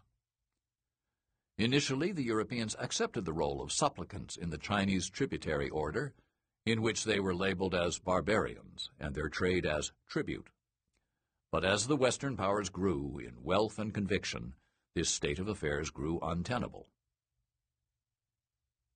The Macartney Mission The assumptions of the Chinese world order were particularly offensive to Britain, the red-haired barbarians in some Chinese records. As the premier Western commercial and naval power, Britain bridled at its assigned role in the cosmology of the Middle Kingdom, whose army, the British noted, still primarily used bows and arrows, and whose navy was practically non-existent. British traders resented the increasing amount of squeeze extracted by the designated Chinese merchants of Guangzhou, through which Chinese regulations required that all Western trade be conducted. They sought access to the rest of the Chinese market beyond the southeast coast. The first major British attempt to remedy the situation was the 1793-94 mission of Lord George Macartney to China. It was the most notable, best conceived, and least militaristic European effort to alter the prevailing format of Sino-Western relations and to achieve free trade and diplomatic representation on equal terms. It failed completely. The Macartney mission is instructive to examine in some detail. The diary of the envoy illustrates how the Chinese perception of its role operated in practice, and the gulf existing between Western and Chinese perceptions of diplomacy. Macartney was a distinguished public servant, with years of international experience and a keen sense of Oriental diplomacy. He was a man of notable cultural achievements. He had served three years as envoy extraordinary to the court of Catherine the Great in St. Petersburg, where he negotiated a treaty of amity and commerce. Upon his return, he published a well-received volume of observations on Russian history and culture. He had subsequently served as governor of Madras. He was as well equipped as any of his contemporaries to inaugurate a new diplomacy across civilizations. The aims of the Macartney mission to China would have seemed modest to any educated Briton of the time, especially compared with the recently established British dominion over the neighboring giant India. Home Secretary Henry Dundas framed the Macartney instructions as an attempt to achieve a free communication with a people, perhaps the most singular on the globe. Its principal aims were the establishment of reciprocal embassies in Beijing and London and commercial access to other ports along the Chinese coast. On the latter point, Dundas charged Macartney to draw attention to the discouraging and arbitrary system of regulations at Guangzhou that prevented British merchants from engaging in the fair competition of the market, a concept with no direct counterpart in Confucian China. He was, Dundas stressed, to disclaim any territorial ambitions in China an assurance bound to be considered as an insult by the recipient because it implied that Britain had the option to entertain such ambitions. The British government addressed the Chinese court on equal terms, which would have struck the British ruling group as affording a non-Western country an uncommon degree of dignity, while being treated in China as insubordinate insolence. Dundas instructed Macartney to take the earliest opportunity to impress upon the Chinese court that King George III saw Macartney's mission as an embassy to the most civilized as well as most ancient and populous nation in the world in order to observe its celebrated institutions and to communicate and receive the benefits which must result from an unreserved and friendly intercourse between that country and his own. Dundas instructed Macartney to comply with all ceremonials of that court, which may not commit the honor of your sovereign or lessen your own dignity so as to endanger the success of your negotiation. He should not, Dundas stressed, let any trifling punctilio stand in the way of the important benefits which may be obtained by success in his mission. To help further his aims, Macartney brought with him numerous examples of British scientific and industrial prowess. Macartney's entourage included a surgeon, a physician, a mechanic, a metallurgist, a watchmaker, a mathematical instrument maker, and five German musicians who were to perform nightly. These latter performances were one of the more successful aspects of the embassy. His gifts to the emperor included manufactures designed, at least in part, to show the fabulous benefits China might obtain by trading with Britain. Artillery pieces, a chariot, diamond-studded wristwatches, British porcelain, copied, Qing officials noted approvingly, from the Chinese art form, and portraits of the king and queen painted by Joshua Reynolds.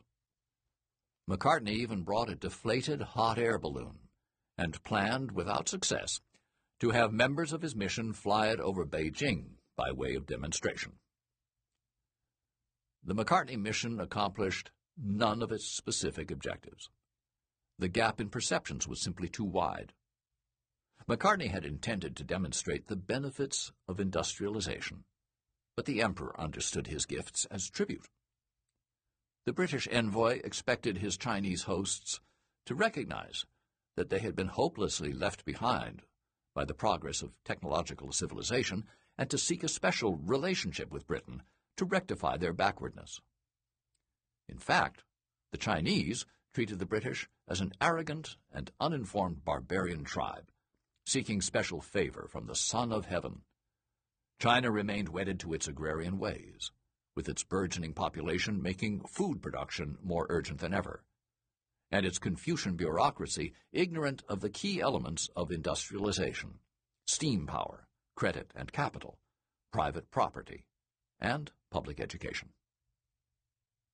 The first discordant note came as Macartney and his entourage made their way to Jehol, the summer capital northeast of Beijing, traveling up the coast in Chinese yachts laden with generous gifts and delicacies, but carrying Chinese signs proclaiming the English ambassador bringing tribute to the Emperor of China.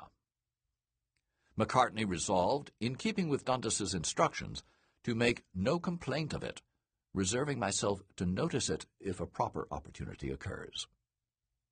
As he approached Beijing, however, the chief mandarins charged with administering the mission opened a negotiation that put the gap in perceptions in sharper light. The issue was whether Macartney would kowtow to the emperor, or whether, as he insisted, he could follow the British custom of kneeling on one knee.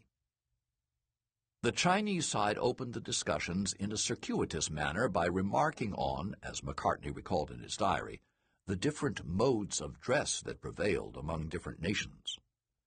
The mandarins concluded the Chinese clothes were, in the end, superior since they allowed the wearer to perform with greater ease the genuflections and prostrations which were, they said, customary to be made by all persons whenever the emperor appeared in public.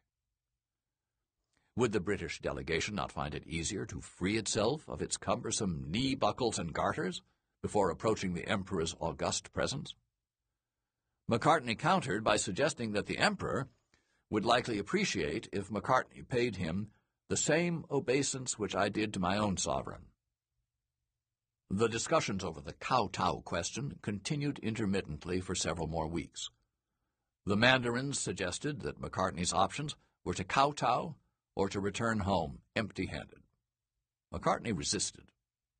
Eventually it was agreed that Macartney could follow the European custom and kneel on one knee. It proved to be the only point Macartney won, at least as to actual conduct. The official Chinese report stated that Macartney, overwhelmed by the emperor's awesome majesty, had performed the kowtow after all. All of this took place within the intricate framework of Chinese protocol, which showed Macartney the most considerate treatment in foiling and rejecting his proposals.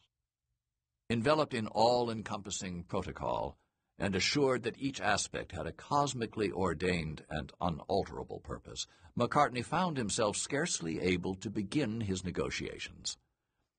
Meanwhile, he noted with a mixture of respect and unease the efficiency of China's vast bureaucracy, assessing that every circumstance concerning us and every word that falls from our lips is minutely reported and remembered. To Macartney's consternation, the technological wonders of Europe left no visible impression on his handlers. When his party demonstrated their mounted cannons, our conductor pretended to think lightly of them, and spoke to us as if such things were no novelties in China. His lenses, chariot, and hot air balloon were brushed aside with polite condescension.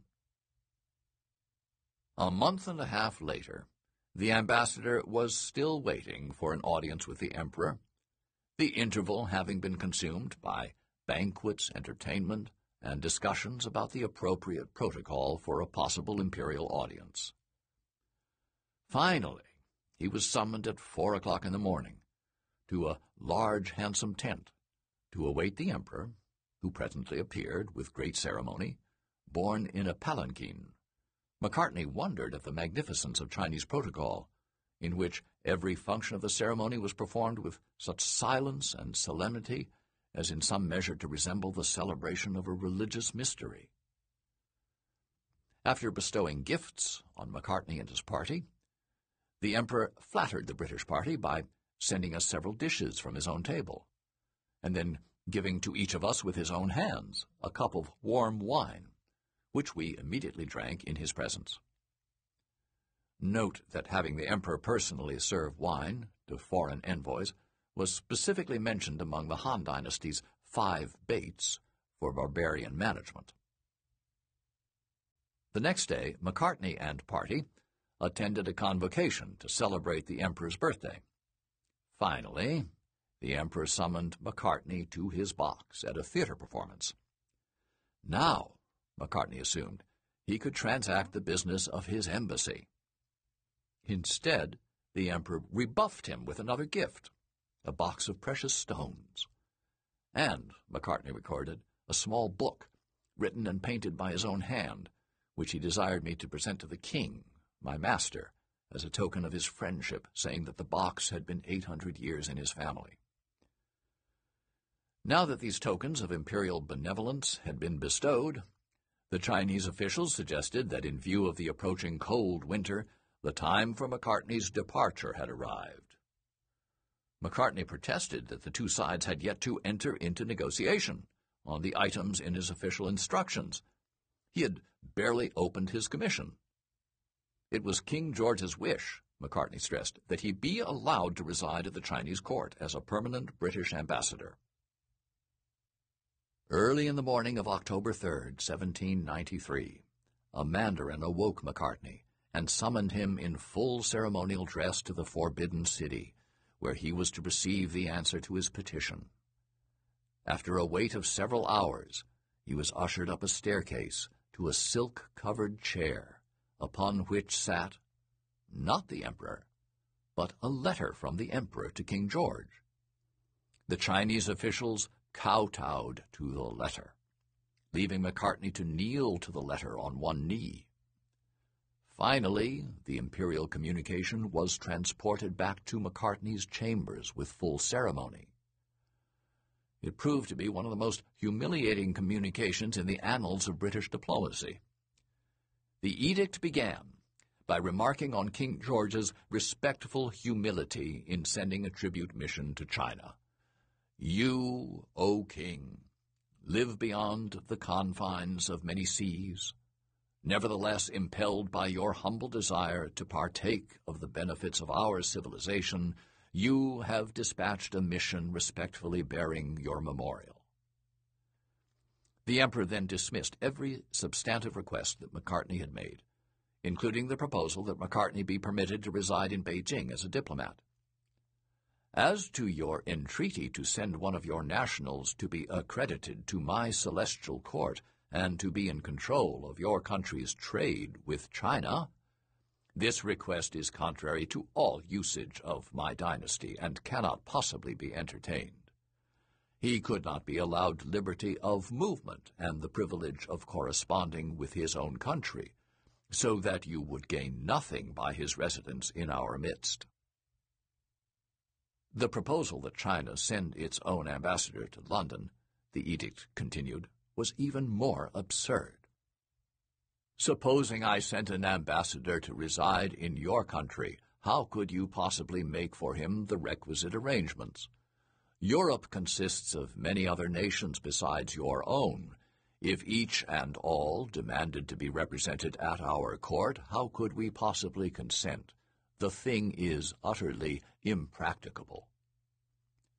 Perhaps, the Emperor ascertained, King George had sent Macartney to learn the blessings of civilization from China. But this, too, was out of the question. If you assert that your reverence for our celestial dynasty fills you with a desire to acquire our civilization, our ceremonies and code of laws differ so completely from your own that even if your envoy were able to acquire the rudiments of our civilization, you could not possibly transplant our manners and customs to your alien soil.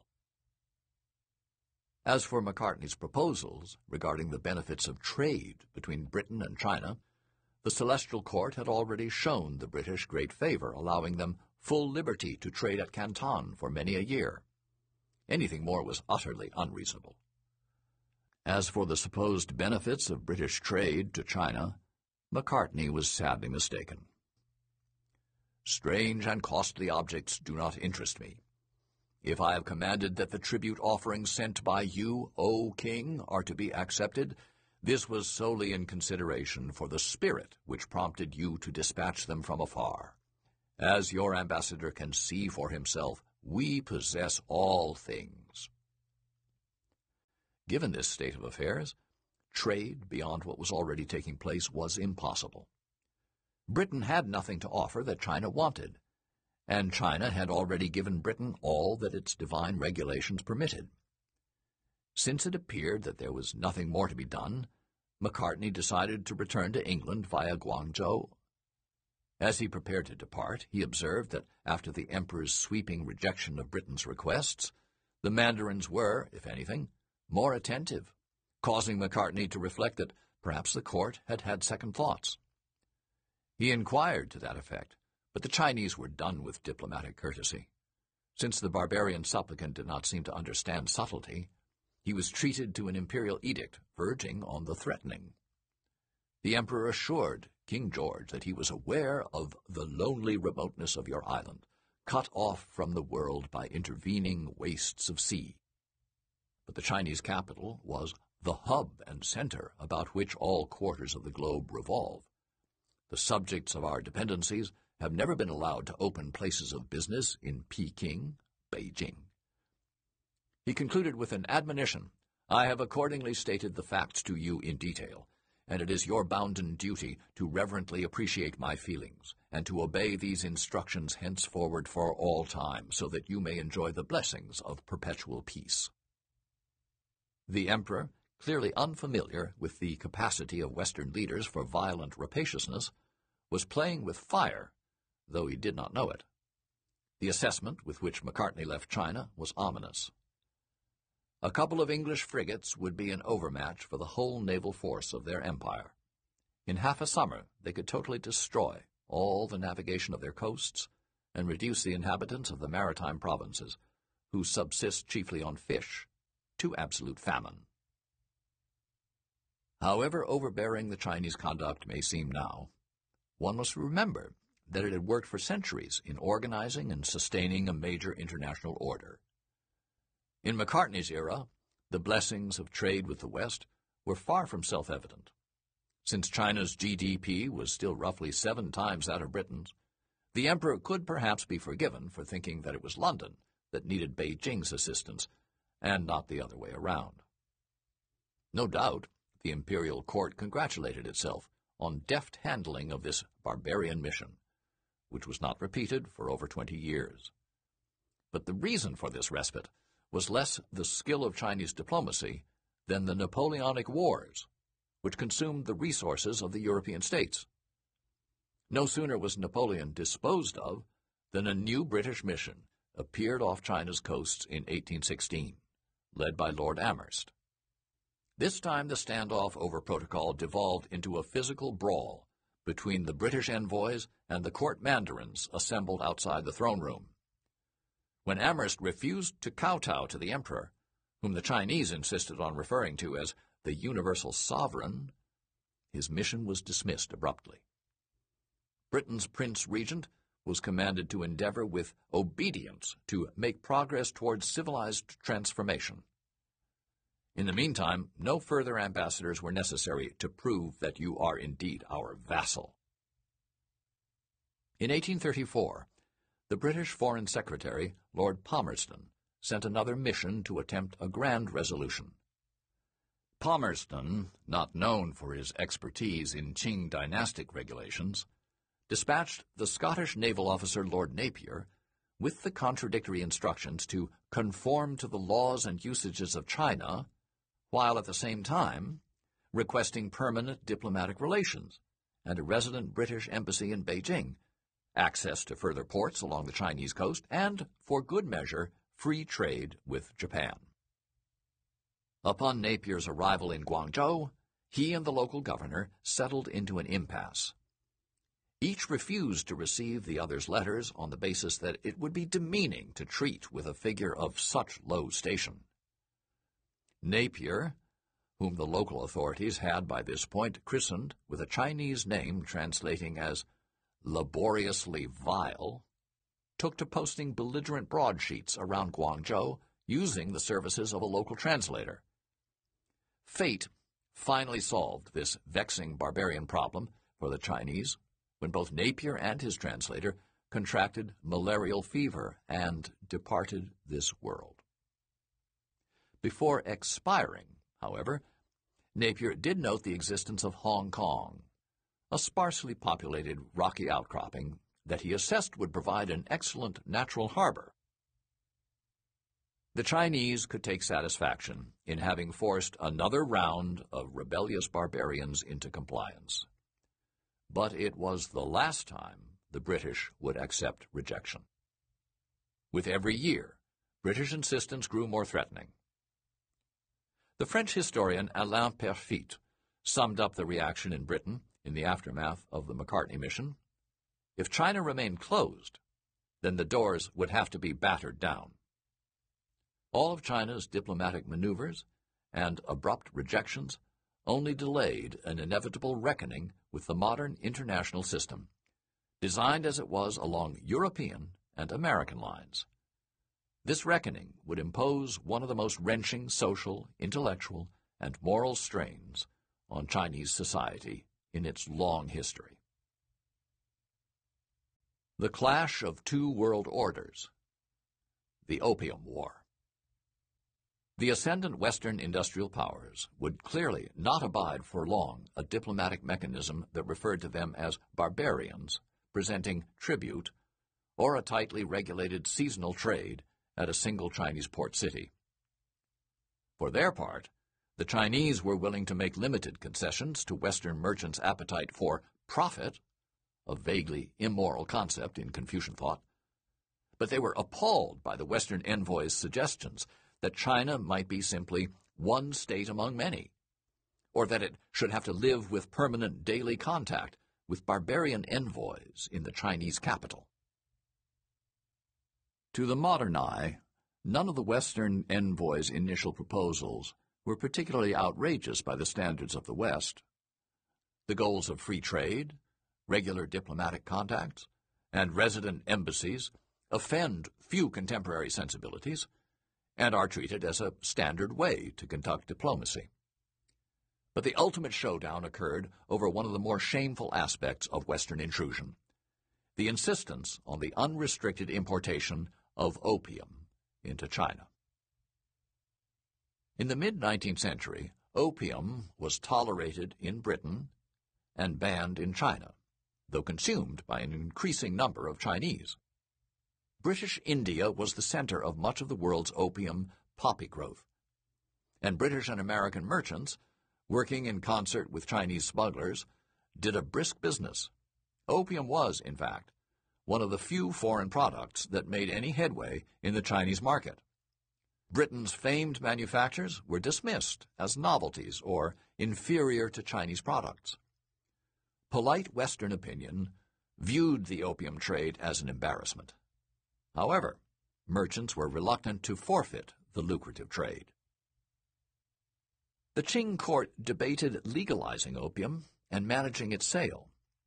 It ultimately decided to crack down and eradicate the trade altogether. In 1839, Beijing dispatched Lin Zexu, an official of considerable demonstrated skill, to shut down the trade in Guangzhou and force Western merchants to comply with the official ban. A traditional Confucian Mandarin, Lin dealt with the problem as he would with any particularly stubborn barbarian issue, through a mixture of force and moral suasion. Upon arriving in Guangzhou, he demanded that the Western trade missions forfeit all of their opium chests for destruction.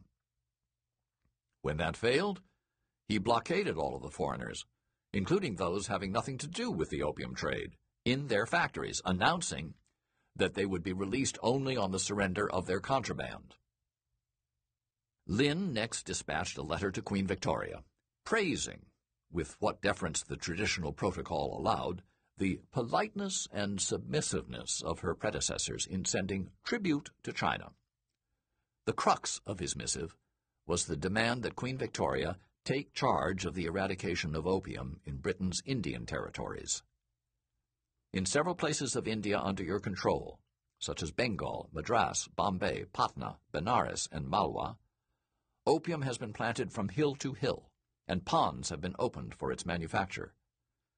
The obnoxious odor ascends, irritating heaven and frightening the spirits. Indeed, you, O king, can eradicate the opium plant in these places, hoe over the fields entirely, and sow in its stead the five grains. Anyone who dares again attempt to plant and manufacture opium should be severely punished. The request was reasonable, even when couched in the traditional assumption of Chinese overlordship. Suppose a man of another country comes to England to trade. He still has to obey the English laws. How much more should he obey in China the laws of the Celestial Dynasty? The barbarian merchants of your country, if they wish to do business for a prolonged period, are required to obey our statutes respectfully and to cut off permanently the source of opium. May you, O king, check your wicked and sift your vicious people before they come to China. In order to guarantee the peace of your nation, to show further the sincerity of your politeness and submissiveness, and to let the two countries enjoy together the blessings of peace how fortunate, how fortunate indeed. After receiving this dispatch, will you immediately give us a prompt reply regarding the details and circumstances of your cutting off the opium traffic? Be sure not to put this off. Overestimating Chinese leverage, Lin's ultimatum threatened to cut off the export of Chinese products, which he supposed were existential necessities for the Western barbarians. If China cuts off these benefits with no sympathy for those who are to suffer, then what can the barbarians rely upon to keep themselves alive? China had nothing to fear from retaliation. Articles coming from the outside to China can only be used as toys. We can take them or get along without them.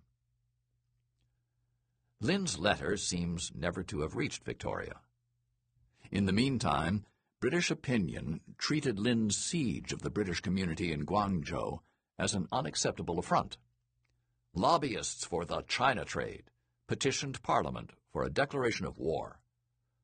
Palmerston dispatched a letter to Beijing demanding satisfaction and redress for injuries inflicted by Chinese authorities upon British subjects resident in China and for insults offered by those same authorities to the British Crown as well as the permanent cession of one or more sufficiently large and properly situated islands on the coast of China as a depot for British trade. In his letter, Palmerston acknowledged that opium was contraband under Chinese law, but he stooped to a legalistic defense of the trade, arguing that the Chinese ban had, under Western legal principles, lapsed due to the connivance of corrupt officials This casuistry was unlikely to convince anybody, and Palmerston did not allow it to delay his fixed determination to bring matters to a head. In light of the urgent importance of the matter, and the great distance separating England from China, the British government was ordering a fleet immediately to blockade the principal Chinese ports, seize all Chinese vessels which it may meet with, and seize some convenient part of Chinese territory until London obtained satisfaction. The Opium War had begun.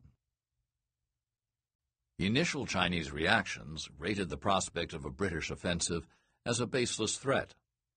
One official argued to the emperor that the vast distance between China and England would render the English impotent. The English barbarians are an insignificant and detestable race, trusting entirely to their strong ships and large guns. But the immense distance they have traversed will render the arrival of seasonable supplies impossible, and their soldiers, after a single defeat, being deprived of provisions, will become dispirited and lost. Even after the British blockaded the Pearl River and seized several islands opposite the port city of Ningbo as a show of force, Lin wrote indignantly to Queen Victoria, You savages of the further seas have waxed so bold, it seems, as to defy and insult our mighty empire. Of a truth, it is high time for you to flay the face and cleanse the heart, and to amend your ways. If you submit humbly to the celestial dynasty and tender your allegiance, it may give you a chance to purge yourselves of your past sins. Centuries of predominance had warped the celestial court's sense of reality. Pretension of superiority only accentuated the inevitable humiliation. British ships swiftly bypassed the Chinese coastal defenses and blockaded the main Chinese ports. The cannons, once dismissed by Macartney's Mandarin handlers, operated with brutal effect. One Chinese official, Qi Shan, the viceroy of Zhili, the administrative division then encompassing Beijing and the surrounding provinces, came to understand China's vulnerability when he was sent to make preliminary contact with a British fleet that had sailed north to Tianjin. He recognized that the Chinese could not counter British seaborne firepower. Without any wind or even a favorable tide, they, steam vessels, glide along against the current and are capable of fantastic speed. Their carriages are mounted on swivels, enabling the guns to be turned and aimed in any direction. By contrast, Qi assessed that China's guns were left over from the Ming dynasty, and that those who are in charge of military affairs are all literary officials. They have no knowledge of armaments. Concluding that the city was defenseless before British naval power, Qi Shan opted to soothe and divert the British by assuring them that the imbroglio in Guangzhou had been a misunderstanding and did not reflect the temperate and just intentions of the emperor. Chinese officials would investigate and handle the matter fairly. But first it was imperative that the British fleet set sail for the south and await Chinese inspectors there.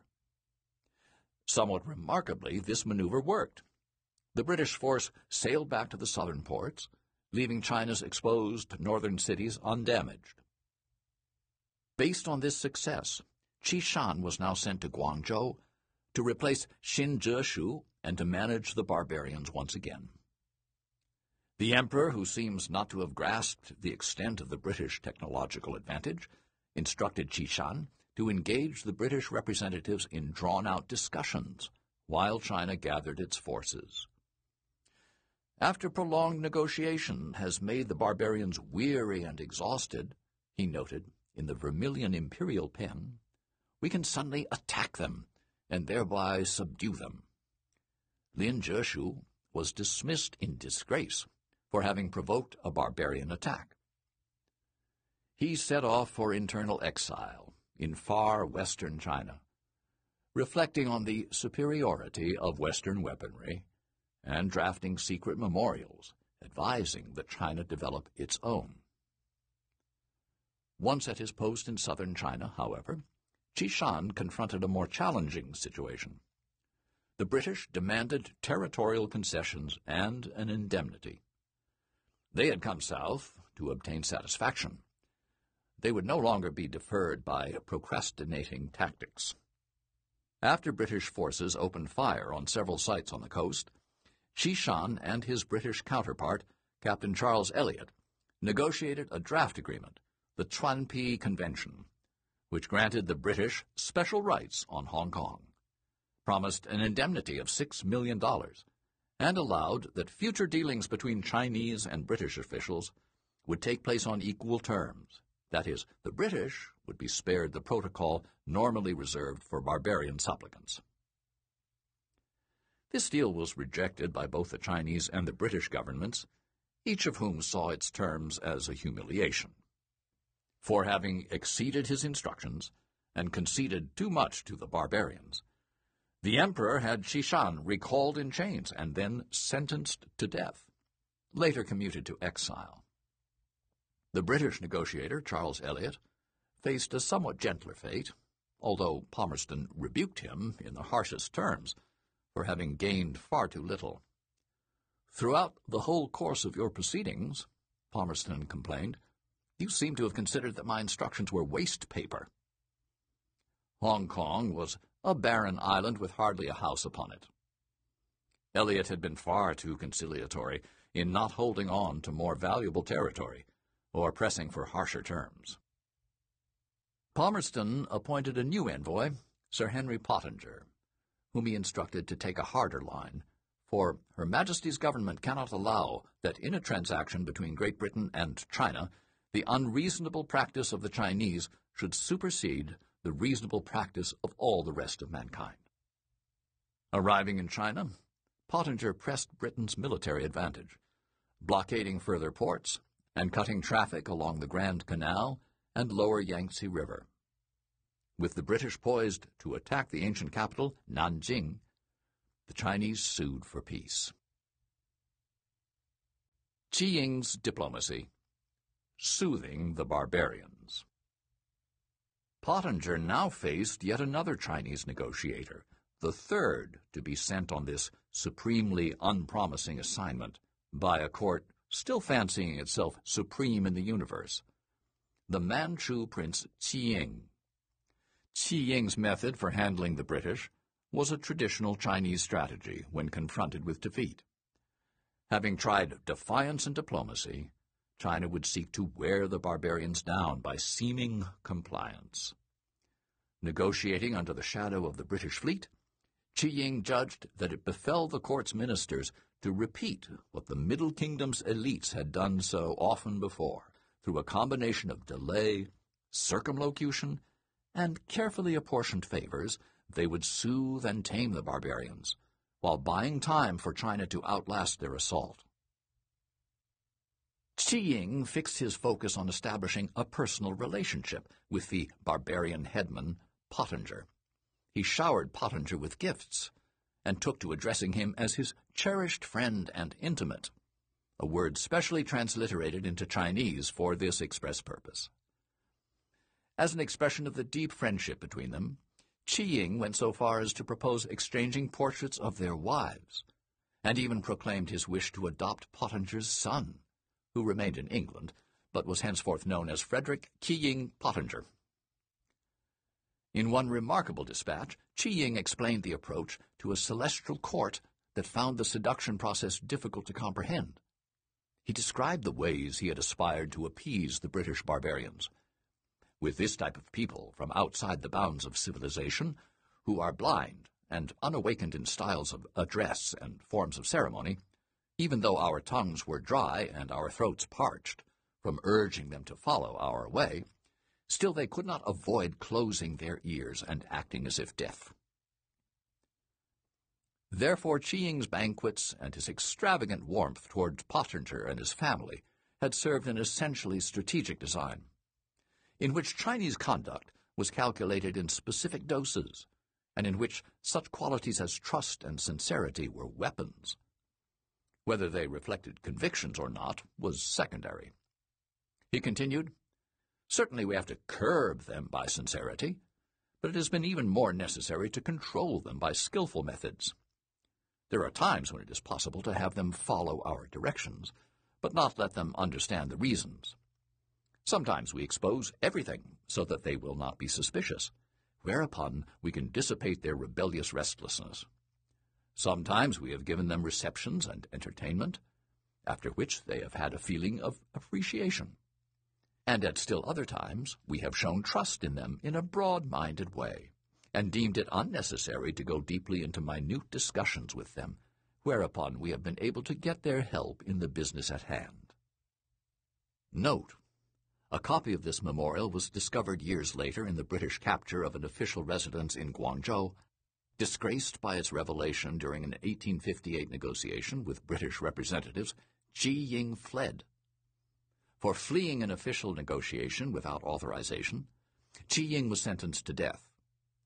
Deference to his elite stature was made, and he was permitted to perform the deed himself with a silken bowstring. The results of this interplay between Western overwhelming force and Chinese psychological management were two treaties negotiated by Qiying and Pottinger, the Treaty of Nanjing and the Supplementary Treaty of the Bogue. The settlement conceded more than the Chuanpi Convention. It was essentially humiliating, though the terms were less harsh than the military situation would have allowed Britain to impose. It provided for payment of a $6 million indemnity by China, the cession of Hong Kong, and the opening of five coastal treaty ports, in which Western residence and trade would be permitted. This effectively dismantled the Canton system, by which the Chinese court had regulated trade with the West and confined it to licensed merchants. Ningbo, Shanghai, Xiamen, and Fuzhou were added to the list of treaty ports. The British secured the right to maintain permanent missions in the port cities and to negotiate directly with local officials, bypassing the court in Beijing.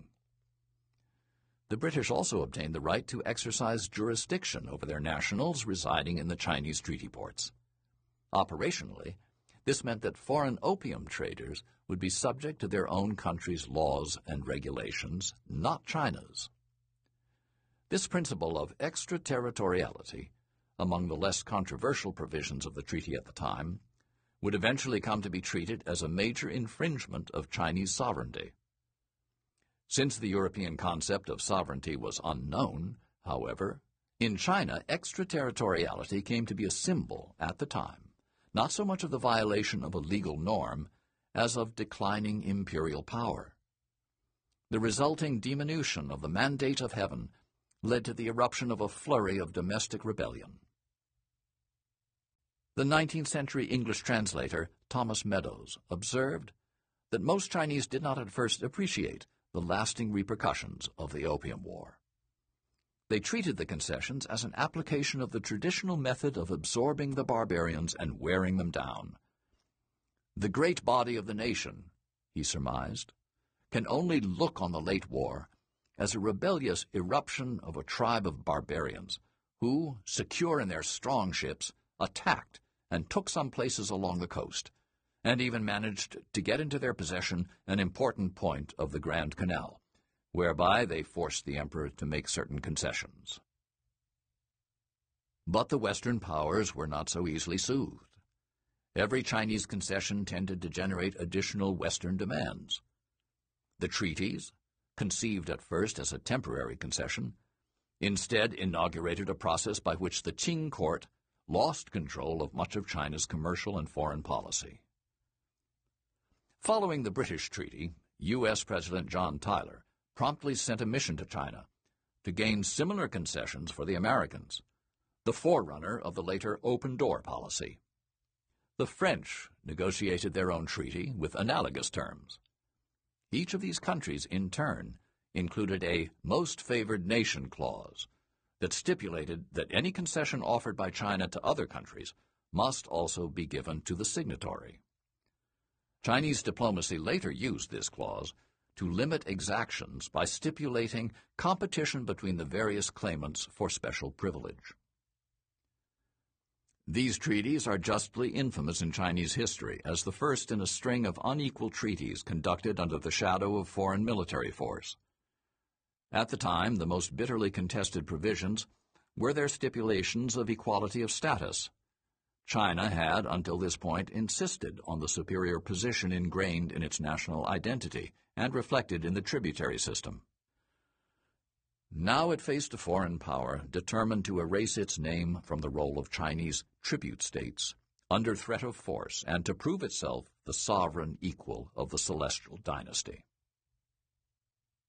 The leaders on both sides understood that this was a dispute about far more than protocol or opium. The Qing court was willing to appease avaricious foreigners with money and trade. But if the principle of barbarian political equality to the Son of Heaven was established, the entire Chinese world order would be threatened. The dynasty risked the loss of the mandate of heaven. Palmerston, in his frequently caustic communications to his negotiators, treated the amount of the indemnity as partly symbolic, but he devoted great attention to berating them for acquiescing to Chinese communications, whose language revealed assumptions of superiority on the part of China, or implied that Britain victorious in war, remained a supplicant asking for the emperor's divine favor. Eventually, Palmerston's view prevailed, and the Treaty of Nanjing included a clause explicitly ensuring that Chinese and British officials would henceforth correspond on a footing of perfect equality. It went so far as to list specific written Chinese characters in the text with acceptably neutral connotations. Chinese records, or at least those to which foreigners had access, would no longer describe the British as begging Chinese authorities or tremblingly obeying their orders. The Celestial Court had come to understand the military inferiority of China, but not yet the appropriate method for dealing with it. At first, it applied the traditional methods of barbarian management. Defeat was not unknown in the course of China's long history. China's rulers had dealt with it by applying the five baits described in the previous chapter. They saw the common characteristic of these invaders as being their desire to partake of Chinese culture. They wished to settle on Chinese soil and partake of its civilization. They could therefore gradually be tamed by some of the psychological methods illustrated by Prince Qiying and in time become part of Chinese life. But the European invaders had no such aspiration nor limited goals. Deeming themselves more advanced societies, their goal was to exploit China for economic gain, not to join its way of life. Their demands were therefore limited only by their resources and their greed. Personal relationships could not be decisive because the chiefs of the invaders were not neighbors but lived thousands of miles away, where they were governed by motivations obtuse to the subtleness and indirection of the Qiying type of strategy. Within the space of a decade, the Middle Kingdom had gone from preeminence to being an object of contending colonial forces, poised between two eras and two different conceptions of international relations China strove for a new identity, and, above all, to reconcile the values that marked its greatness with the technology and commerce on which it would have to base its security. Chapter 3 From Preeminence to Decline As the 19th century progressed, China experienced almost every imaginable shock to its historic image of itself. Before the Opium War, it conceived of diplomacy and international trade mainly as forms of recognition of China's preeminence. Now, even as it entered a period of domestic turmoil, it faced three foreign challenges, any one of which could be enough to overturn a dynasty. These threats came from every direction, and in heretofore barely conceivable incarnations. From across the oceans in the west came the European nations. They raised not so much the challenge of territorial defense as of irreconcilable conceptions of world order. For the most part, the Western powers limited themselves to extracting economic concessions on the Chinese coast and demanding rights to free trade and missionary activity. Paradoxically, this was threatening because the Europeans did not view it as a conquest at all. They were not seeking to replace the existing dynasty. They simply imposed an entirely new world order, essentially incompatible with the Chinese one. From the north and west, an expansionist and militarily dominant Russia sought to pry loose China's vast hinterland. Russia's cooperation could be purchased temporarily, but it recognized no boundaries between its own domains and the Chinese outer dominions. And unlike previous conquerors, Russia did not become part of the Chinese culture. The territories it penetrated were permanently lost to the empire. Still, neither the Western powers nor Russia had any ambition to displace the Qing and claim the mandate of heaven. Ultimately, they reached the conclusion that they had much to lose from the Qing's fall. Japan, by contrast, had no vested interest in the survival of China's ancient institutions or the Sinocentric world order.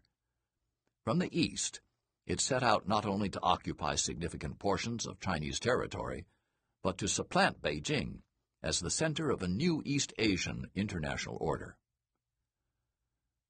The ensuing catastrophes are viewed with considerable dismay in contemporary China as part of an infamous century of humiliation that ended only by the reunification of the country under an assertively nationalist form of communism. At the same time, the era of China's hobbling stands in many ways as a testimony to its remarkable abilities to surmount strains that might break other societies. While foreign armies were marching across China and extorting humiliating terms, the Celestial Court never stopped asserting its claim to central authority and managed to implement it over most of China's territory. The invaders were treated as other invaders had been in previous centuries, as a nuisance, an unwelcome interruption of the eternal rhythm of Chinese life. The court in Beijing could act in this manner because the foreign depredations were mostly on the periphery of China, and because the invaders had come for commerce. As such, it was in the interest of the invaders that the vast central regions, including most of the population, remain quiescent. The government in Beijing thereby achieved a margin of maneuver. All the exactions had to be negotiated with the imperial court, which was therefore in a position to play off the invaders against one another. Chinese statesmen played their weak hand with considerable skill and forestalled what could have been an even worse catastrophe. From the point of view of the balance of power, the objective configuration of forces would have suggested the impossibility of China's survival as a unitary, continent-sized state. But with the traditional vision of Chinese preeminence, under often violent challenge, and the country lashed by waves of colonial depredation and domestic upheaval, China eventually overcame its travails by its own efforts. Through a painful and often humiliating process, China's statesmen, in the end, preserved the moral and territorial claims of their disintegrating world order. Perhaps most remarkably, they did so using almost entirely traditional methods. A segment of the Qing ruling class wrote eloquent memorials in the classical style about the challenges posed by the West, Russia, and a rising Japan, and the resulting need for China to practice self-strengthening and improve its own technological capabilities. But China's Confucian elite and its generally conservative populace remained deeply ambivalent about such advice. Many perceived the importation of foreign language texts and Western technology as endangering China's cultural essence and social order. After sometimes bruising battles, the prevailing faction decided that to modernize along Western lines was to cease to be Chinese, and that nothing could justify abandoning this unique heritage. So China faced the era of imperial expansion without the benefit of a modern military apparatus on any national scale, and with only piecemeal adaptations to foreign financial and political innovations. To weather the storm, China relied not on technology or military power, but instead on two deeply traditional resources the analytical abilities of its diplomats and the endurance and cultural confidence of its people. It developed ingenious strategies for playing off the new barbarians against one another. Officials charged with managing China's foreign relations offered concessions in various cities, but they deliberately invited multiple sets of foreigners to share in the spoils so that they could use barbarians against barbarians and avoid dominance by any one power.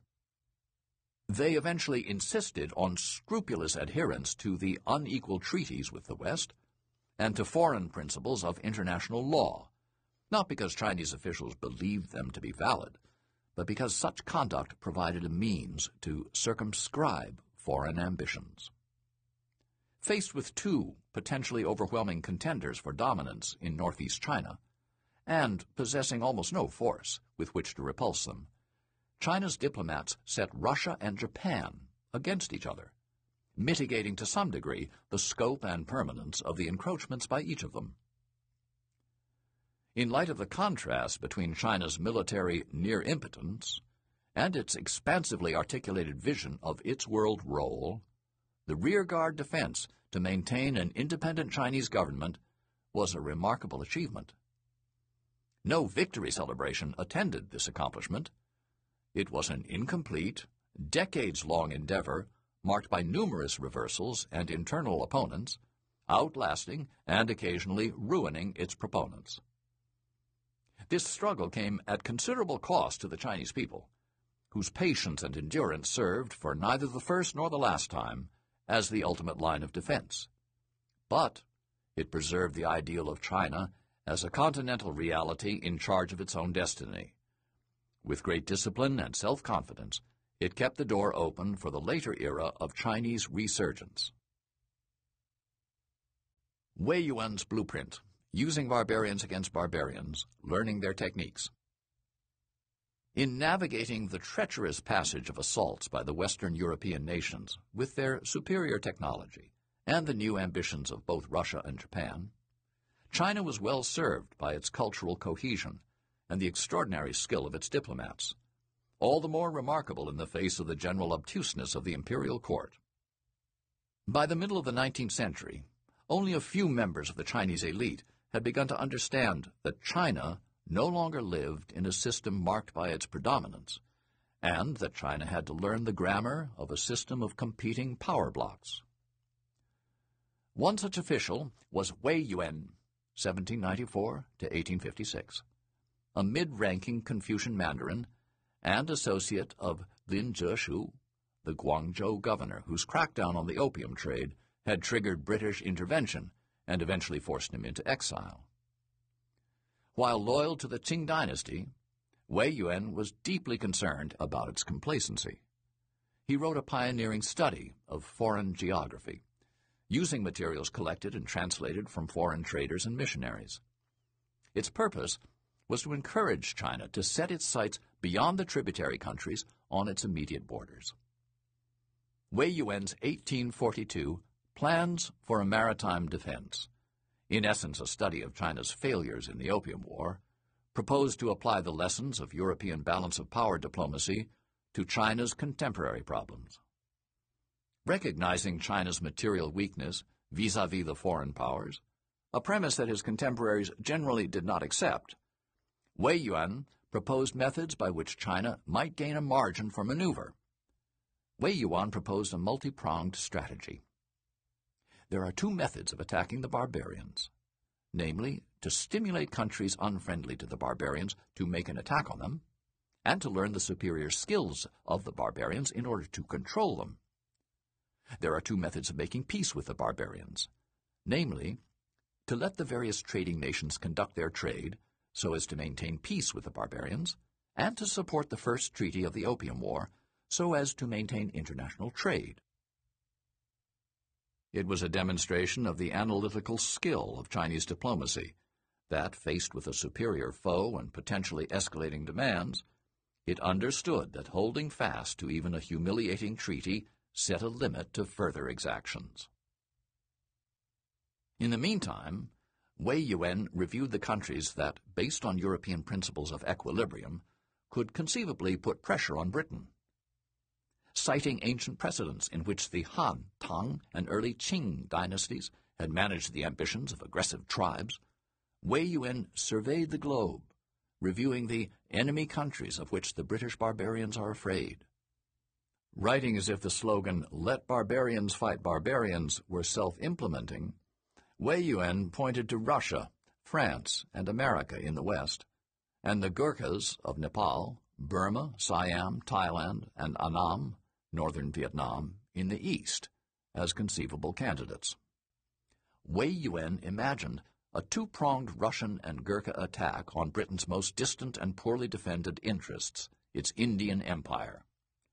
Stimulating long-running French and American animosities toward Britain Causing them to attack Britain by sea was another weapon in Wei Yuan's analysis. It was a highly original solution, hampered only by the fact that the Chinese government had not the slightest idea how to implement it. It had only limited knowledge of the potential allied countries in question, and no representation in any of their capitals. Wei Yuan came to understand China's limits. In an age of global politics, he asserted. The issue was not that the outer barbarians cannot be used.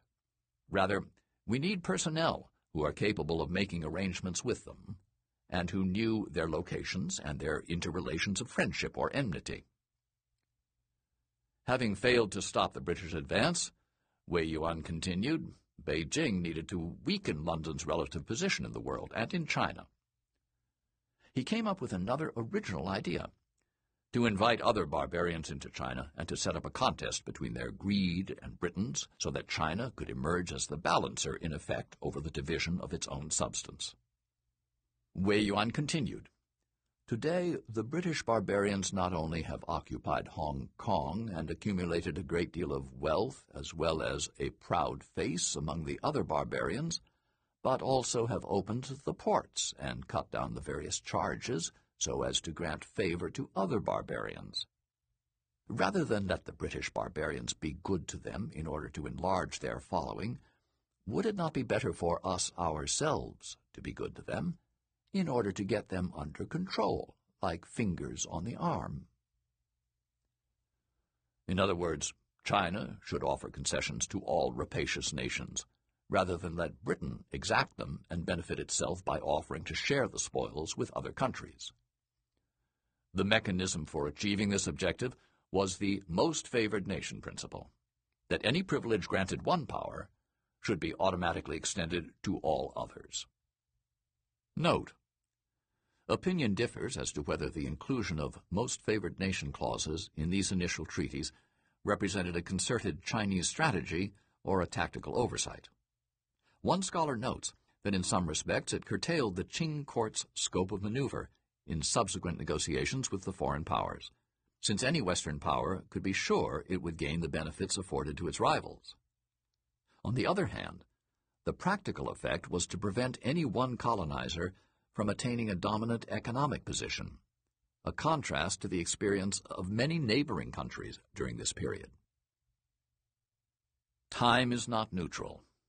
The benefit of Wei Yuan's subtle maneuvers would have to be measured by China's ability to arm itself using the superior techniques of the barbarians. China, Wei Yuan advised, should bring Western craftsmen to Canton, from France or the United States, to take charge of building ships and making arms. Wei Yuan summed up the new strategy with the proposition that before the peace settlement, it behooves us to use barbarians against barbarians. After the settlement, it is proper for us to learn their superior techniques in order to control them. Though initially dismissive of calls for technological modernization, the Celestial Court did adopt the strategy of adhering to the letter of the Opium War treaties in order to establish a ceiling on Western demands. It would, a leading official later wrote, act according to the treaties and not allow the foreigners to go even slightly beyond them. Thus, Chinese officials should be sincere and amicable, but quietly try to keep them in line. The erosion of authority, domestic upheavals, and the challenge of foreign encroachments. The Western treaty powers, of course, had no intention of being kept in line. And in the aftermath of the Chi Qiying-Pottinger negotiations, a new gap in expectations began to appear. For the Chinese court, the treaties were a temporary concession to barbarian force, to be followed to the degree necessary, but never voluntarily broadened. For the West, the treaties were the beginning of a long-term process by which China would be steadily drawn into Western norms of political and economic exchange. But what the West conceived of as a process of enlightenment was seen by some in China as a philosophical assault. This is why the Chinese refused to submit to foreign demands, to broaden the treaties to include free trade throughout China and permanent diplomatic representation in the Chinese capital. Beijing understood, despite its extremely limited knowledge about the West, that the combination of the foreigner's superior force, unfettered foreign activity within China, and multiple Western missions in Beijing would seriously undermine the assumptions of the Chinese world order. Once China became a normal state, it would lose its historic, unique moral authority. It would simply be another weak country beset by invaders. In this context, seemingly minor disputes over diplomatic and economic prerogatives turned into a major clash. All of this took place against a backdrop of massive Chinese domestic upheaval, masked, to a large degree, by the imperturbable self-confidence projected by Chinese officials charged with managing contacts with foreigners, a trait unchanged in the modern period. Macartney had already remarked in 1793 on the uneasy accommodation between the Qing's Manchu ruling class, Han Chinese bureaucratic elite, and mostly Han general population. Scarcely a year now passes, he noted, without an insurrection in some of the provinces. The dynasty's mandate of heaven having been put into question, domestic opponents escalated the scope of their defiance. Their challenges were both religious and ethnic, providing the basis for conflicts of encompassing brutality. The far western reaches of the empire witnessed Muslim rebellions and the declaration of short-lived separatist khanates, suppressed only at a major financial and human cost. In central China, an uprising known as the Nian Rebellion drew considerable support from Han Chinese laboring classes, and, beginning in 1851, conducted a nearly two decades-long insurgency. The most serious challenge came from the Taiping Rebellion, 1850 to 64, mounted by a Chinese Christian sect in the south.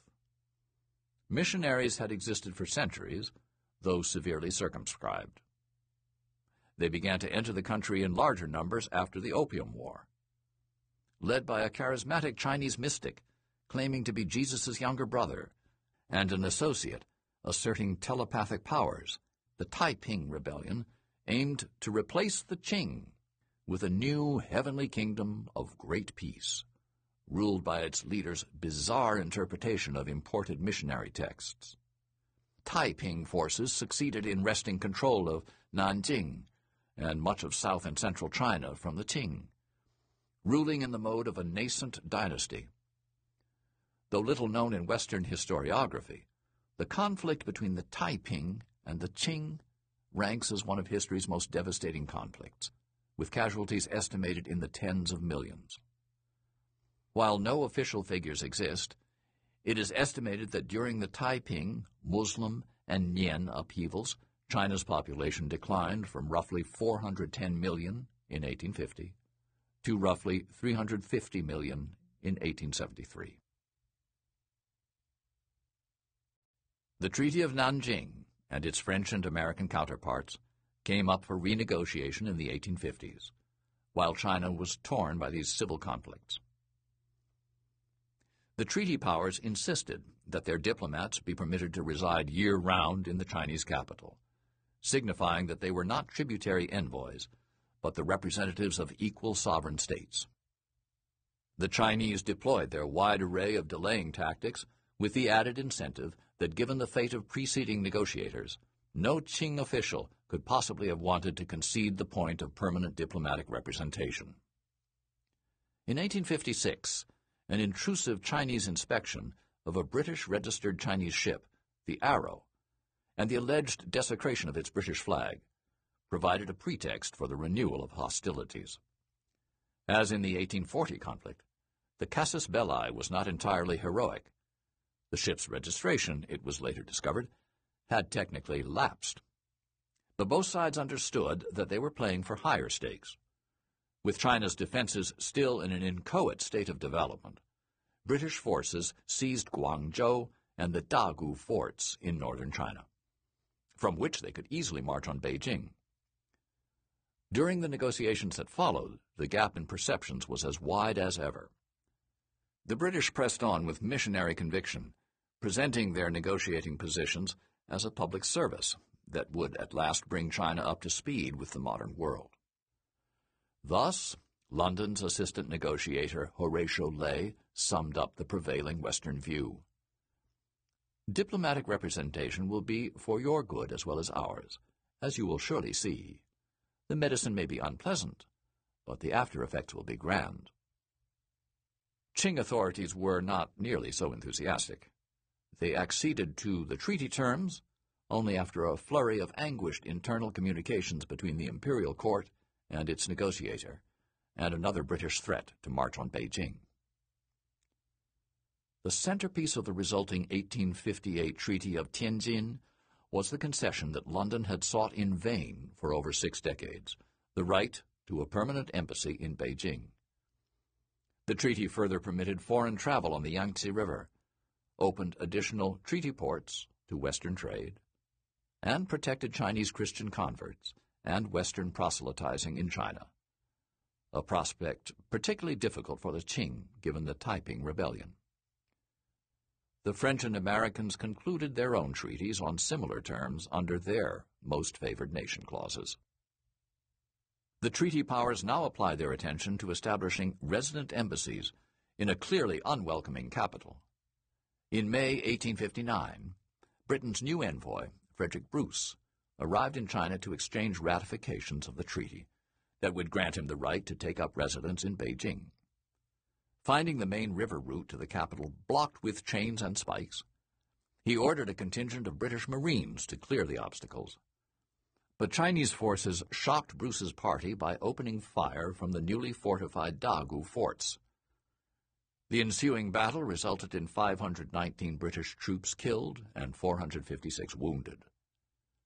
It was the first Chinese victory in battle against modern Western forces, and shattered, at least temporarily, the image of Chinese military impotence. Yet it could only stall the British ambassador's advance temporarily. Palmerston dispatched Lord Elgin to lead a joint British and French march on Beijing, with orders to occupy the capital and bring the emperor to reason.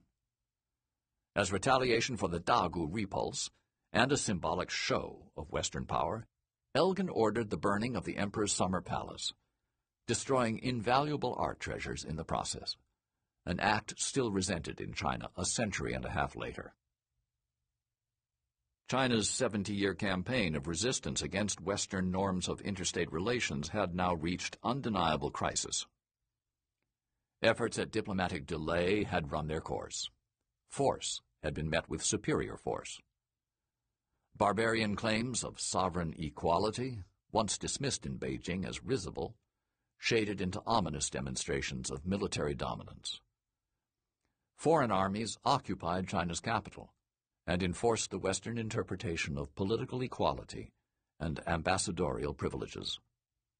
At this point, another claimant to China's patrimony stepped into the fray. By 1860, the Russians had been represented in Beijing for over 150 years. With an ecclesiastical mission, they were the only European country permitted to establish a residence. Russia's interests had in some ways trailed those of the other European powers. It had gained all the benefits extended to the treaty powers without joining the British in the periodic exercises of force. On the other hand, Moscow's overall objective went much further than religious proselytizing or commerce along the coast. It perceived in the Qing's decline an opportunity to dismember the Chinese Empire and reattach its outer dominions to Russia. It set its sights in particular on the lightly administered and ambiguously demarcated expanses of Manchuria, the Manchu heartland in northeast China, Mongolia, the then quasi-autonomous tribal steppe at China's north, and Xinjiang, the expanse of mountains and deserts in the far west, then populated mostly by Muslim peoples. To that end, Russia had moved, gradually and deliberately, to expand its presence along these inland frontiers, poaching the loyalties of local princes through offers of rank and material benefit, underscored by a menacing cavalry.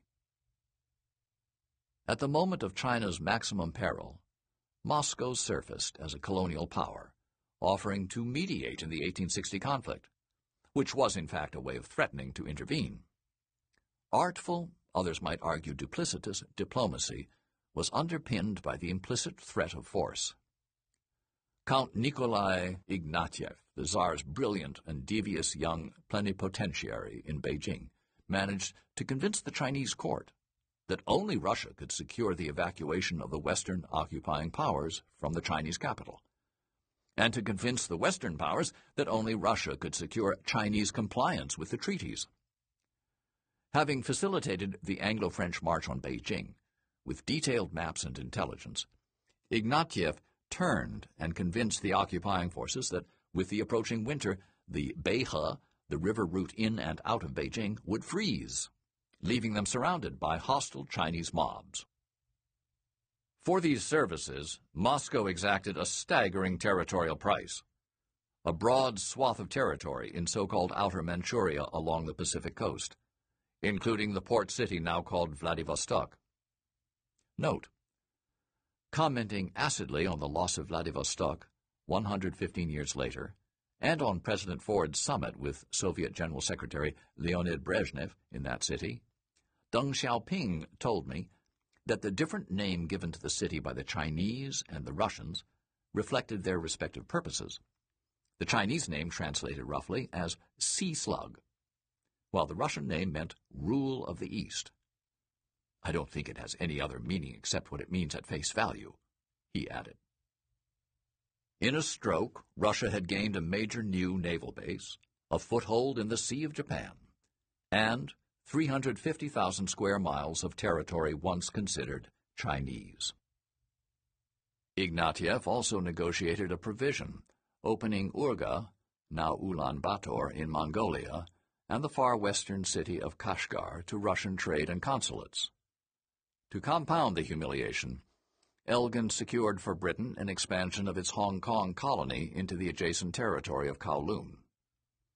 China had enlisted Russia to forestall what it believed to be a further assault by the treaty powers dominating China's capital and its coast. But in an era of Chinese weakness, using barbarians against barbarians was not without its costs.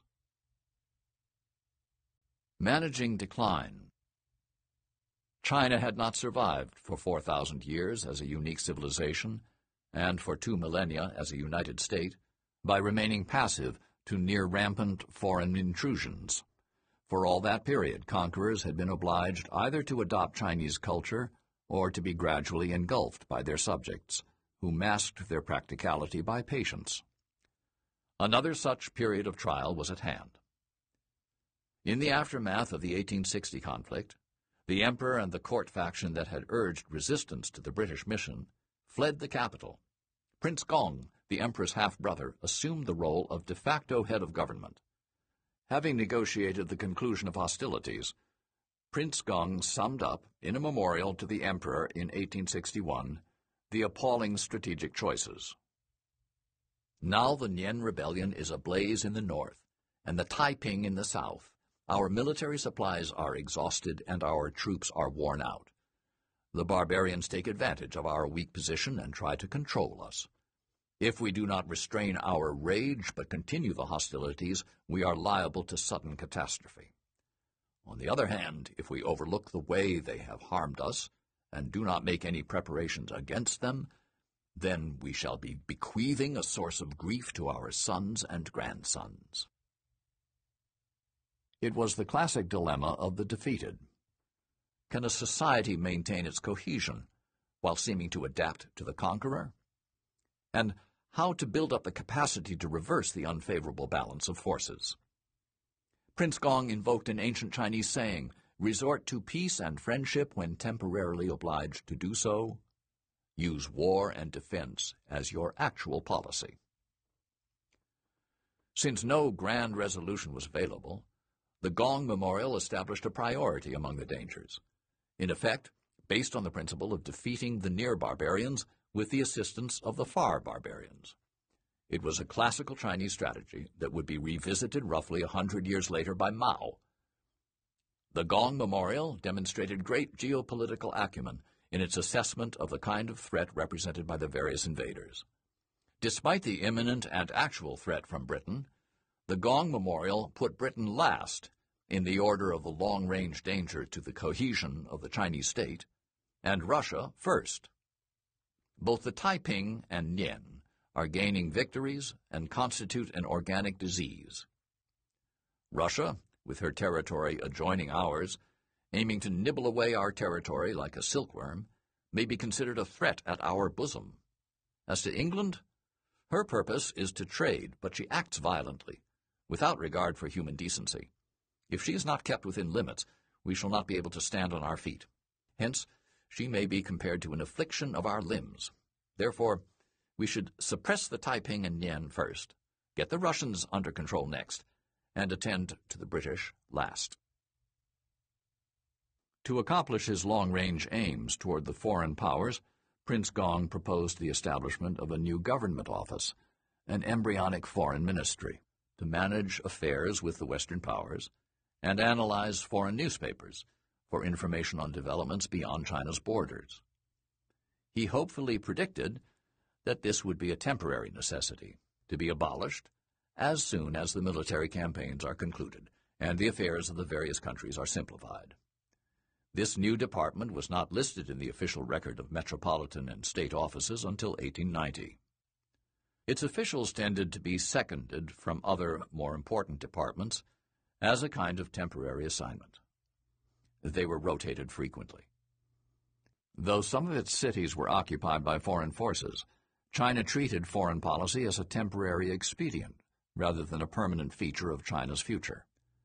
The new ministry's full name was the Zongli Geguo Shiwu Yamen, Office for the General Management of the Affairs of All Nations. An ambiguous phrasing open to the interpretation that China was not engaging in diplomacy with foreign peoples at all, but rather ordering their affairs as part of its universal empire. The implementation of Prince Gong's policy fell into the hands of Li Hongzhang, a top-ranking Mandarin who had risen to prominence commanding forces in the Qing campaigns against the Taiping Rebellion. Ambitious, urbane, impassive in the face of humiliation, supremely well-versed in China's classical tradition, but uncommonly attuned to its peril, Li served for nearly four decades as China's face to the outside world. He cast himself as the intermediary between the foreign powers' insistent demands for territorial and economic concessions and the Chinese court's expansive claims of political superiority. By definition, his policies could never meet with either side's complete approbation. Within China, in particular, Li left a controversial legacy, especially among those urging a more confrontational course. Yet his efforts, rendered infinitely more complex by the belligerence of the traditionalist faction of the Chinese court, which periodically insisted on meeting the foreign powers in battle with minimal preparation, demonstrate a remarkable ability to navigate between and usually mitigate late Qing China's severely unattractive alternatives. Li made his reputation in crisis, emerging as an expert in military affairs and barbarian management during China's mid-century rebellions. In 1862, Li was sent to administer the wealthy eastern province of Jiangsu, where he found its main cities besieged by Taiping rebels, but secured by Western-led armies determined to defend their new commercial privileges. Applying the maxims of the Gong Memorandum, Li allied himself with and established himself as the ultimate authority over the Western forces in order to destroy their common foe. During what was effectively a joint Chinese-Western counterinsurgency campaign, Li forged a working relationship with Charles Chinese Gordon, the famous British adventurer later killed by the Mahdi in the siege of Khartoum in the Sudan. Li and Gordon eventually fell out when Li ordered the execution of captured rebel leaders to whom Gordon had promised clemency. With the Taiping threat quelled in 1864, Li was promoted to a series of increasingly prominent positions, emerging as China's de facto foreign minister and the chief negotiator in its frequent foreign crises. The representative of a society under siege by vastly more powerful countries and significantly different cultures has two choices. He can attempt to close the cultural gap, adopt the manners of the militarily stronger, and thereby reduce the pressures resulting from the temptation to discriminate against the culturally strange. Or he can insist on the validity of his own culture by flaunting its special characteristics and gain respect for the strength of its convictions. In the 19th century, Japanese leaders took the first course, aided by the fact that when they encountered the West, their country was already well on the way to industrialization and had demonstrated its social cohesion. Li, representing a country racked by rebellion for whose defeat he needed foreign help, did not have that option. Nor would he have shed his Confucian provenance, whatever the benefits of such a course. An account of Li Hongzhang's travels within China serves as a grim record of China's turmoil. Within one fairly representative two-year period, in 1869 to 71, he was catapulted between southwest China, where French representatives had raised a protest over anti-Christian riots, to the north, where a new set of riots had broken out, back to the far southwest, where a minority tribe on the Vietnamese border was in revolt, then to the northwest to address a major Muslim rebellion. From there to the port of Tianjin in the northeast, where a massacre of Christians had drawn French warships and a threat of military intervention. And, finally, to the southeast, where a new crisis was brewing on the island of Taiwan, then known in the West as Formosa. Li cut a distinctive figure on a diplomatic stage dominated by Western-defined codes of conduct. He wore the flowing robes of a Confucian mandarin, and proudly sported ancient designations of rank such as the double-eyed peacock feather and the yellow jacket, that his Western counterparts could only observe with bewilderment. His head was shaved, in the Qing style, except for a long braided ponytail, and covered by an oblong official's cap. He spoke epigrammatically, in a language that only a handful of foreigners understood. He carried himself with such otherworldly serenity that one British contemporary compared him, with a mixture of awe and incomprehension, to a visitor from another planet. China's travails and concessions, his demeanor seemed to suggest, were but temporary obstacles on the route to the ultimate triumph of Chinese civilization. His mentor, Zeng Guofan, a top-ranking Confucian scholar and veteran commander of the Taiping campaigns, had advised Li in 1862 how to use the basic Confucian value of self-restraint as a diplomatic tool. In your association with foreigners, your manner and deportment should not be too lofty, and you should have a slightly vague, casual appearance. Let their insults, deceitfulness, and contempt for everything appear to be understood by you, and yet seem not understood, for you should look somewhat stupid. Like every other Chinese high official of his era, Li believed in the superiority of China's moral values and the justness of its traditional imperial prerogatives.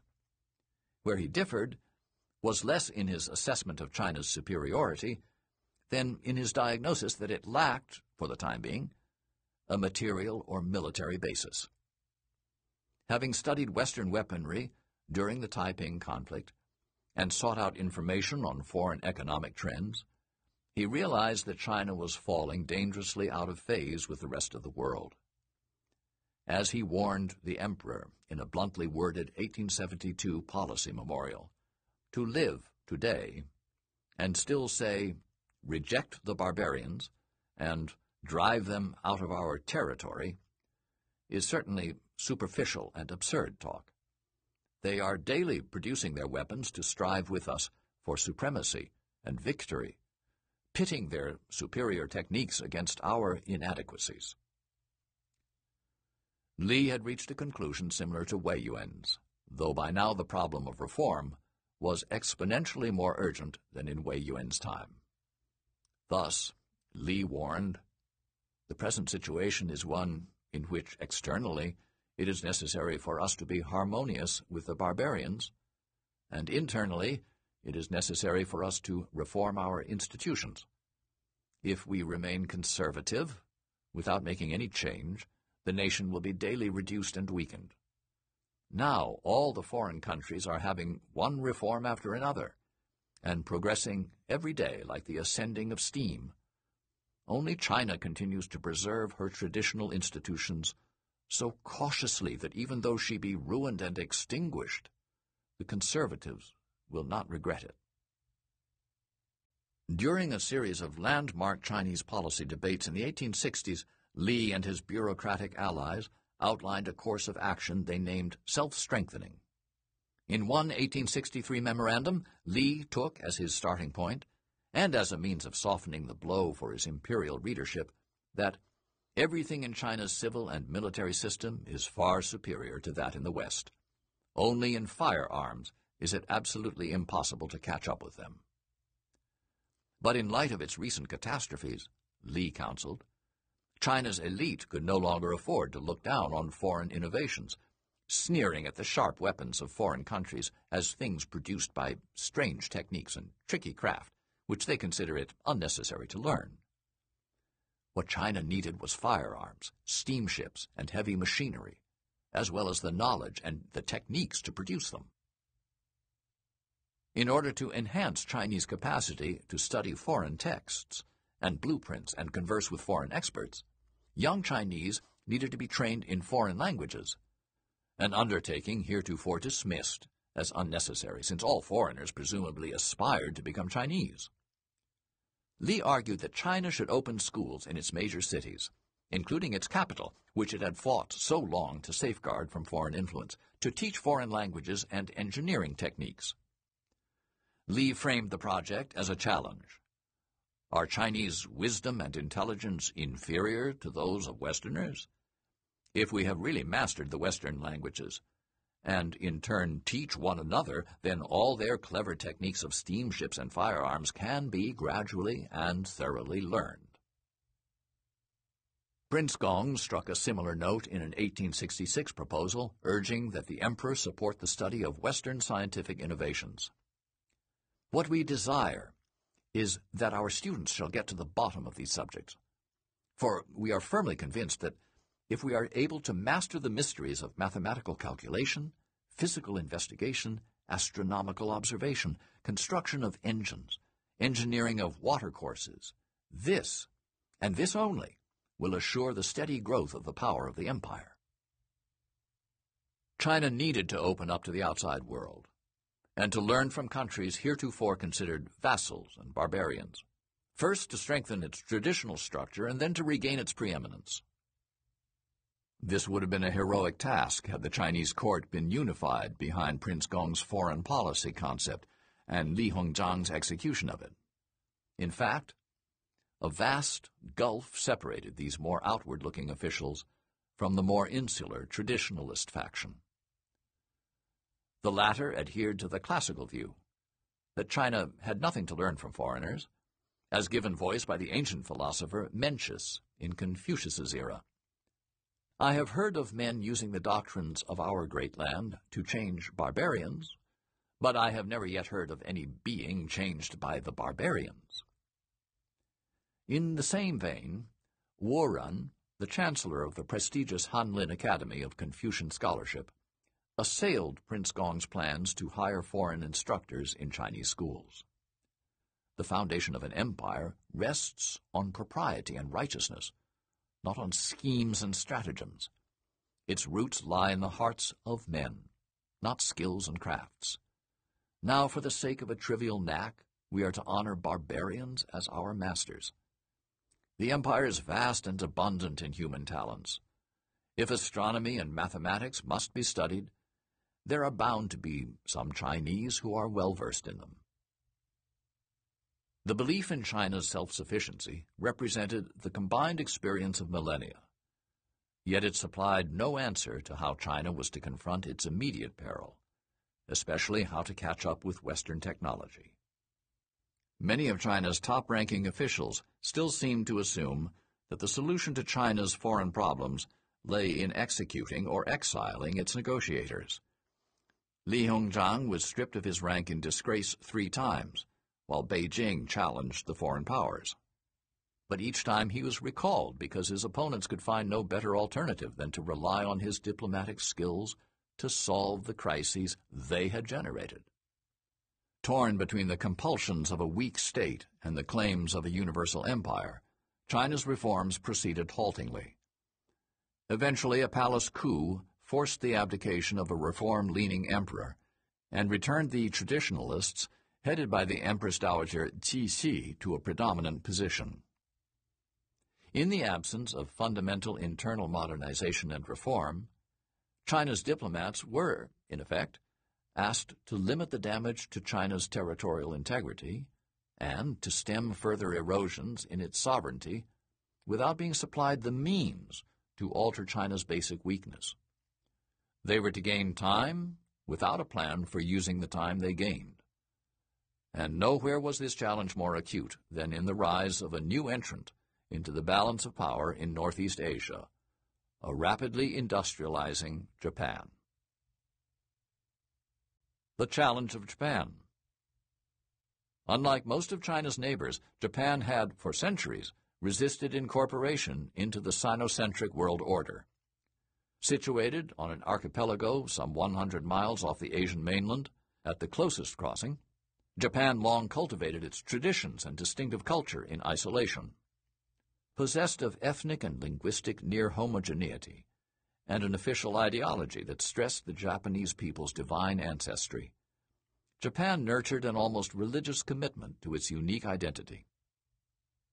At the apex of Japan's society and its own world order stood the Japanese emperor, a figure conceived, like the Chinese Son of Heaven, as an intermediary between the human and the divine. Taken literally, Japan's traditional political philosophy posited that Japanese emperors were deities, descended from the sun goddess, who gave birth to the first emperor and endowed his descendants with an eternal right to rule. Thus Japan, like China, conceived of itself as far more than an ordinary state. Note According to the 14th century Records of the Legitimate Succession of the Divine Sovereigns, a work later widely distributed in the 1930s by the Thought Bureau of Japan's Ministry of Education, Japan is the divine country, the heavenly ancestor it was who first laid its foundations, and the sun goddess left her descendants to reign over it forever and ever. This is true only of our country, and nothing similar may be found in foreign lands. That is why it is called the divine country. The title emperor itself, insistently displayed on Japanese diplomatic dispatches to the Chinese court, was a direct challenge to the Chinese world order. In China's cosmology, mankind had only one emperor, and his throne was in China. If Chinese exceptionalism represented the claims of a universal empire, Japanese exceptionalism sprang from the insecurities of an island nation, borrowing heavily from its neighbor, but fearful of being dominated by it. The Chinese sense of uniqueness asserted that China was the one true civilization, and invited barbarians to the Middle Kingdom to come and be transformed.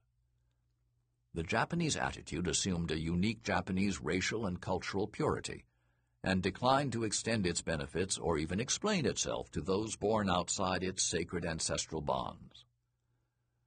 For long periods, Japan had withdrawn from foreign affairs almost entirely, as if even intermittent contacts with outsiders would compromise Japan's unique identity. To the extent that Japan participated in an international order, it did so by means of its own tribute system in the Ryukyu Islands, modern-day Okinawa, and the surrounding islands, and various kingdoms on the Korean peninsula. With a certain irony, Japan's leaders borrowed this most Chinese of institutions as a means of asserting their independence from China. Other Asian peoples accepted the protocol of the Chinese tribute system, labeling their trade as tribute to gain access to Chinese markets. Japan refused to conduct its trade with China in the guise of tribute. It insisted on at least equality to China, if not superiority. Despite the natural ties of trade between China and Japan, 17th century discussions over bilateral trade deadlocked because neither side would honor the protocol required by the other's pretensions of world centrality. If China's sphere of influence waxed and waned along its long frontiers in accordance with the power of the empire and the surrounding tribes, Japan's leaders came to conceive of their security dilemma as a much starker choice. Possessing a sense of superiority, as pronounced as the Chinese courts, but perceiving their margin of error as far smaller, Japanese statesmen looked warily west to a continent dominated by a succession of Chinese dynasties, some of which extended their writ into Japan's closest neighbor, Korea, and tended to see an existential challenge. Japanese foreign policy thus alternated, at times with startling suddenness, between aloofness from the Asian mainland and audacious attempts at conquest geared toward supplanting the Sinocentric order. Japan, like China, encountered Western ships wielding unfamiliar technology and overwhelming force in the mid-19th century. In Japan's case, the 1853 landing of the American Commodore Matthew Perry's Black Ships but Japan drew from the challenge the opposite conclusion as China. It threw open its doors to foreign technology and overhauled its institutions in an attempt to replicate the Western powers' rise. In Japan, this conclusion may have been assisted by the fact that foreign ideas were not seen as connected to the question of opium addiction, which Japan largely managed to avoid. In 1868, the Meiji Emperor, in his charter oath, announced Japan's resolve. Knowledge shall be sought from all over the world, and thereby the foundations of the imperial rule shall be strengthened. Japan's Meiji Restoration and drive to master Western technology opened the door to stunning economic progress. As Japan developed a modern economy and a formidable military apparatus, it began to insist on the prerogatives afforded the Western great powers. Its governing elite concluded that, in the words of Shimazu Nariakira, a 19th century lord and leading advocate of technological modernization, if we take the initiative, we can dominate. If we do not, we will be dominated. As early as 1863, Li Hongzhang concluded that Japan would become China's principal security threat. Even before the Meiji Restoration, Li wrote of the Japanese response to the Western challenge. In 1874, after Japan seized on an incident between Taiwanese tribesmen and a shipwrecked Ryukyu Island's crew to mount a punitive expedition, he wrote of Japan, Her power is daily expanding, and her ambition is not small. Therefore, she dares to display her strength in eastern lands, despises China, and takes action by invading Taiwan.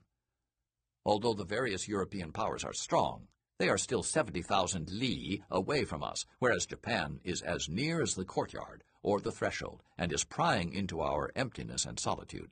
Undoubtedly, she will become China's permanent and great anxiety. Viewing the lumbering giant to its west, with its increasingly hollow pretensions to world supremacy, the Japanese had begun to conceive of supplanting China as the predominant Asian power. The struggle between these competing claims came to a head in a country at the intersection of its larger neighbor's ambitions, Korea. Korea The Chinese Empire was extensive, but not intrusive. It demanded tribute and the recognition of the emperor's suzerainty. But the tribute was more symbolic than substantive, and suzerainty was exercised in a way that allowed for autonomy, almost indistinguishable from independence.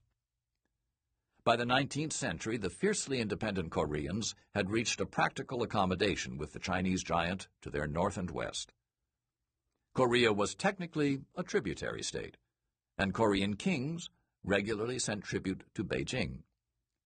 Korea had adopted Confucian moral codes and Chinese written characters for formal correspondence. Beijing, in turn, had a strong interest in developments on the peninsula, whose geographic position established it as a potential invasion corridor to China from the sea. Korea played in some ways a mirror image role in Japan's conception of its strategic imperatives. Japan, too, saw foreign dominance of Korea as a potential threat. The peninsula's position, jutting out from the Asian mainland toward Japan, had tempted the Mongols to use it as a launching point for two attempted invasions of the Japanese archipelago.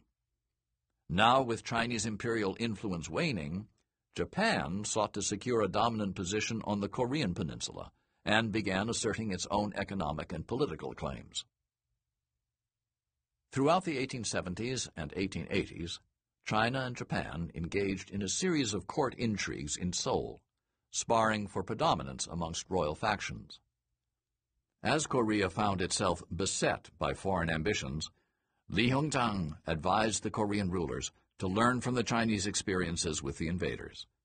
It was to organize a competition among potential colonizers by inviting them in. In an October 1879 letter to a high Korean official, Li counseled that Korea should seek a supporter among the far barbarians, especially the United States. You may say that the simplest way to avoid trouble would be to shut oneself in and be at peace.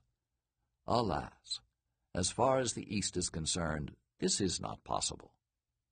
There is no human agency capable of putting a stop to the expansionist movement of Japan. Has not your government been compelled to inaugurate a new era by making a treaty of commerce with them? As matters stand, therefore, is not our best course to neutralize one poison by another, to set one energy against another? On this basis, Li proposed that Korea seize every opportunity to establish treaty relations with Western nations of which you would make use to check Japan. Western trade, he warned, would bring corrupting influences such as opium and Christianity. But in contrast to Japan and Russia, which sought territorial gains, the Western powers' only object would be to trade with your kingdom. The goal should be to balance the dangers from each outside power, allowing none to predominate. Since you are aware of the strength of your adversaries, Use all possible means to divide them. Go warily, use cunning. Thus will you prove yourselves good strategists. Li left unstated the Chinese interest in Korea, either because he took for granted that Chinese overlordship was not a threat of the same nature as other foreign influences, or because he had concluded that China had no practical means to secure a Korea free from foreign influence. Inevitably, Chinese and Japanese claims to a special relationship with Korea grew incompatible. In 1894, both Japan and China dispatched troops in response to a Korean rebellion. Japan eventually seized the Korean king and installed a pro-Japanese government. Nationalists in both Beijing and Tokyo called for war. Only Japan, however, had the benefit of a modern naval force funds initially levied for the modernization of the Chinese Navy having been requisitioned for improvements to the Summer Palace. Within hours of the outbreak of war, Japan destroyed China's poorly funded naval forces, the ostensible achievement of decades of self-strengthening. Li Hongzhang was recalled from one of his periodic forced retirements to go to the Japanese city of Shimonoseki to negotiate a peace treaty with the almost impossible mission of salvaging Chinese dignity from the military catastrophe. The side that has the upper hand in war often has an incentive to delay a settlement, especially if every passing day improves its bargaining position. This is why Japan had deepened China's humiliation by rejecting a string of proposed Chinese negotiators as having insufficient protocol rank, a deliberate insult to an empire that had heretofore presented its diplomats as embodiments of heavenly prerogatives and therefore outranking all others, whatever their Chinese rank. The terms under discussion at Shimonoseki were a brutal shock to the Chinese vision of preeminence. China was obliged to cede Taiwan to Japan, to desist from tributary ceremony with Korea, and recognize its independence, in practice opening it up to further Japanese influence, to pay a significant war indemnity, and to cede to Japan the Liaodong Peninsula in Manchuria, including the strategically located harbors of Dalian and Lüshun, Port Arthur. Only a would-be assassin's bullet from a Japanese nationalist spared China an even more demeaning outcome.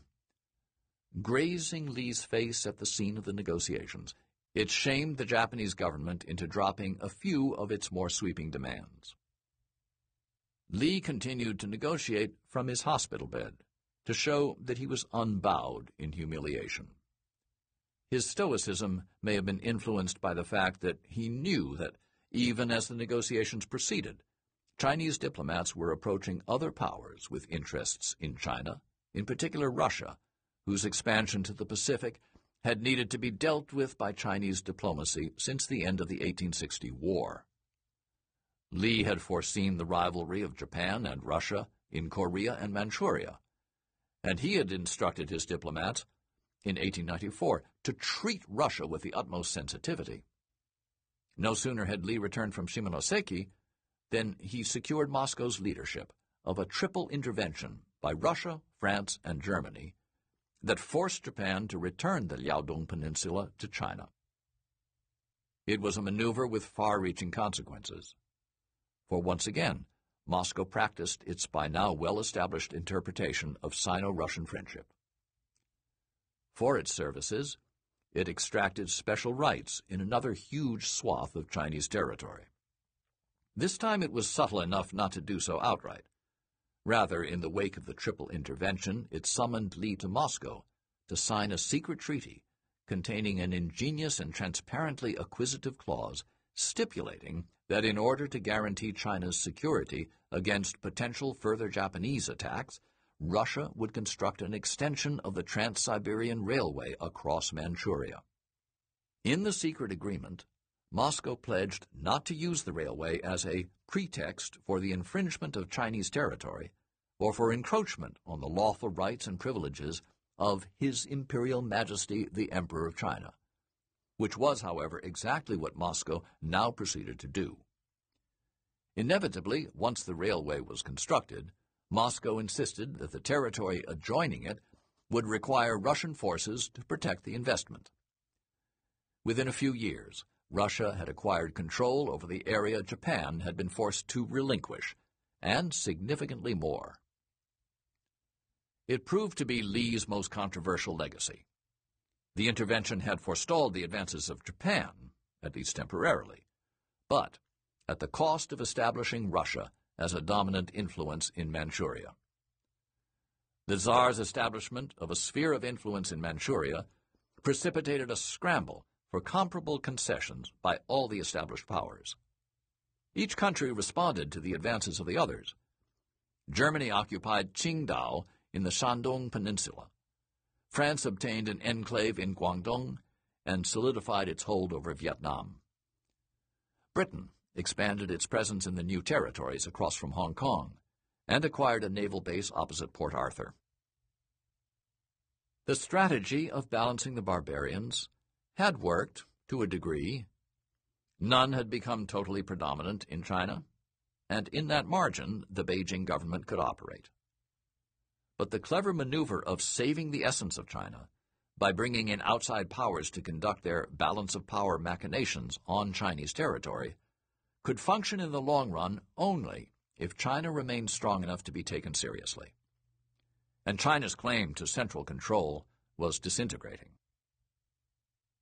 Appeasement has become an epithet in the aftermath of the conduct of the Western democracies toward Hitler in the 1930s.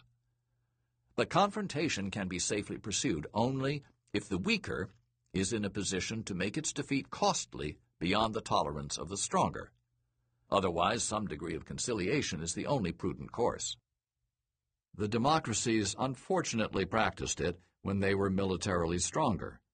But appeasement is also politically risky and stakes social cohesion, for it requires the public to retain confidence in its leaders, even as they appear to yield to the victor's demands. Such was Li's dilemma. Through the decades he sought to navigate China between European, Russian, and Japanese rapaciousness and the intransigent obtuseness of his own court. Later Chinese generations have acknowledged Li Hongzhang's skill, but have been ambivalent or hostile about the concessions to which he lent his signature, most notably to Russia and Japan, as well as ceding Taiwan to Japan. Such a policy grated at the dignity of a proud society.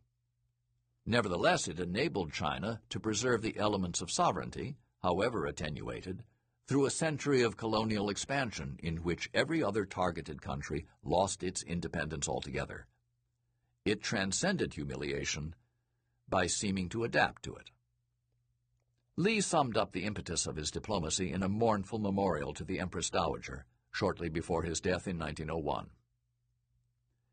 Needless for me to say how greatly I would rejoice were it possible for China to enter upon a glorious and triumphant war. It would be the joy of my closing days to see the barbarian nations subjugated at last in submissive allegiance, respectfully making obeisance to the dragon throne. Unfortunately, however, I cannot but recognize the melancholy fact that China is unequal to such an enterprise, and that our forces are in no way competent to undertake it. Looking at the question as one affecting chiefly the integrity of our empire, who would be so foolish as to cast missiles at a rat in the vicinity of a priceless piece of porcelain? The strategy of pitting Russia against Japan in Manchuria produced a rivalry in which both powers progressively tested each other. In its relentless expansion, Russia jettisoned the tacit agreement among the exploiters of China to maintain some balance between their respective claims and a degree of continuing Chinese sovereignty. The competing claims of Japan and Russia in northeast China led to a war for preeminence in 1904, ending in Japanese victory. The 1905 Treaty of Portsmouth gave Japan the dominant position in Korea and potentially in Manchuria, though less than what its victory might have made possible due to the intervention of the American President Theodore Roosevelt. His mediations of the end of the Russo-Japanese War based on principles of balance of power, rare in American diplomacy, kept Japan from seizing Manchuria and preserved an equilibrium in Asia. Stymied in Asia, Russia returned its strategic priorities to Europe, a process that accelerated the outbreak of the First World War. The Boxer Uprising and the New Era of Warring States by the end of the 19th century, the Chinese world order was totally out of joint. The court in Beijing no longer functioned as a meaningful factor in protecting either Chinese culture or autonomy. Popular frustration boiled to the surface in 1898 in the so-called Boxer Uprising.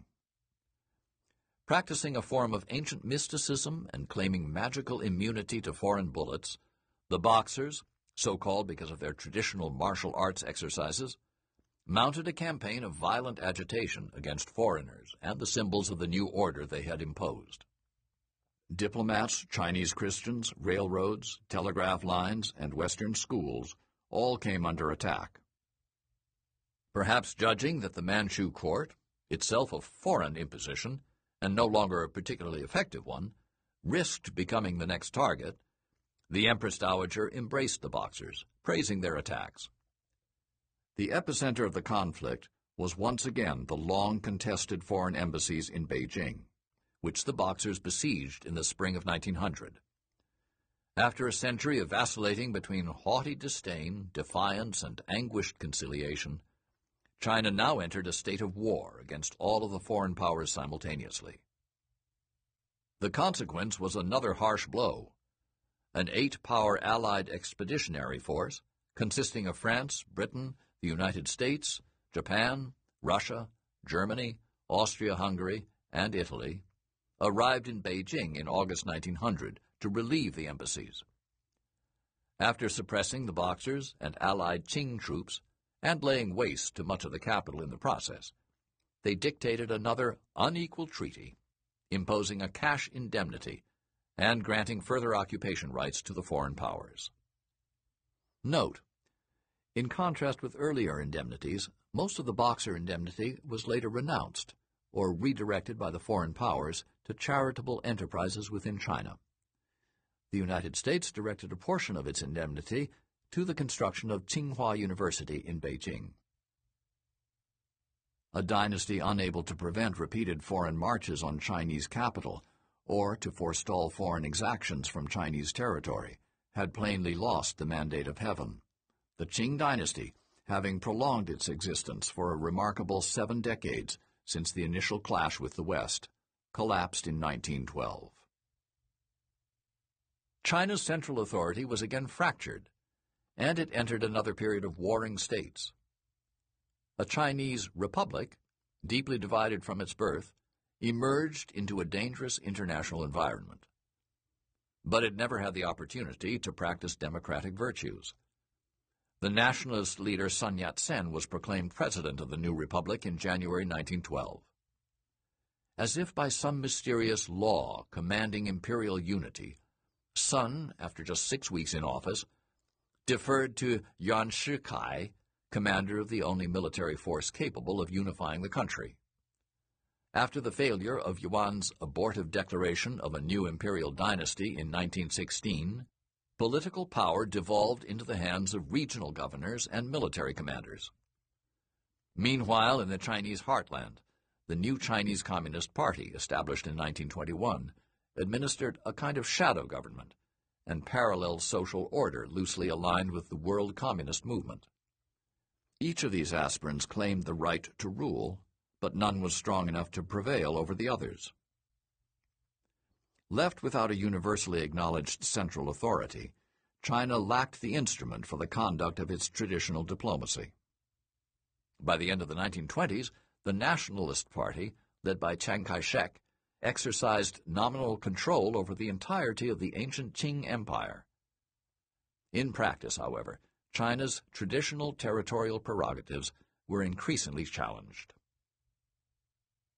Exhausted by their exertions in the war, and in a world influenced by Wilsonian principles of self-determination, the Western powers were no longer in a position to extend their spheres of influence in China. They were barely able to sustain them. Russia was consolidating its internal revolution and in no position to undertake further expansion. Germany was deprived of its colonies altogether. Of the former contestants for dominance in China, only one was left, albeit the most dangerous to China's independence Japan. China was not strong enough to defend itself, and no other country was available to balance Japan militarily. After the defeat of Germany in the First World War, Japan occupied the former German concessions in Shandong. In 1932, Tokyo engineered the creation of a secessionist Japanese-dominated state of Manchukuo in Manchuria. In 1937, it embarked on a program of conquest across much of eastern China. Japan now found itself in the position of previous conquerors. It was difficult enough to conquer such a vast country, it was impossible to administer it without relying on some of its cultural precepts, which Japan, prizing the uniqueness of its own institutions, was never prepared to do. Gradually, its erstwhile partners, the European powers backed by the United States, began to move into opposition to Japan, first politically and eventually militarily. It was a kind of culmination of the policy of the self-strengthening diplomacy, with the former colonialists now cooperating to vindicate the integrity of China. The leader of this effort was the United States, and its instrument was the open door policy, proclaimed by Secretary of State John Hay in 1899. Originally intended to claim for the United States the benefits of other countries' individual imperialism, it was transformed in the 1930s into a way to preserve China's independence. The Western powers joined the effort. China would now be able to overcome the imperialist phase, provided it could survive the Second World War and once again forge its unity. With the Japanese surrender in 1945, China was left devastated and divided. The nationalists and communists both aspired to central authority. Two million Japanese soldiers remained on Chinese territory for repatriation. The Soviet Union recognized the nationalist government, but had kept its options open by supplying arms to the Communist Party. At the same time, it had rushed a massive and uninvited Soviet military force into northeast China to restore some of their erstwhile colonial claims. Beijing's tenuous control of Xinjiang had eroded further. Tibet and Mongolia had gravitated into quasi-autonomy, aligned with the respective orbits of the British Empire and the Soviet Union. United States public opinion sympathized with Chiang Kai-shek as a wartime ally. But Chiang Kai-shek was governing a fragment of a country, already fragmented by foreign occupation. China was treated as one of the Big Five, who would organize the post-war world, and were granted a veto in the United Nations Security Council. Of the five, only the United States and the Soviet Union possessed the power to carry out this mission. A renewal of the Chinese Civil War followed. Washington sought to apply its standard solution to such civil conflict which has failed time after time, then and in the decades afterward. It urged a coalition between the nationalists and communists who had been battling each other for two decades. U.S. Ambassador Patrick Hurley convened a meeting between Chiang Kai-shek and Communist Party leader Mao Zedong in September 1945 at Chiang's capital in Chongqing. Both leaders dutifully attended while preparing for a final showdown. No sooner had the Hurley meeting concluded than the two sides recommenced hostilities.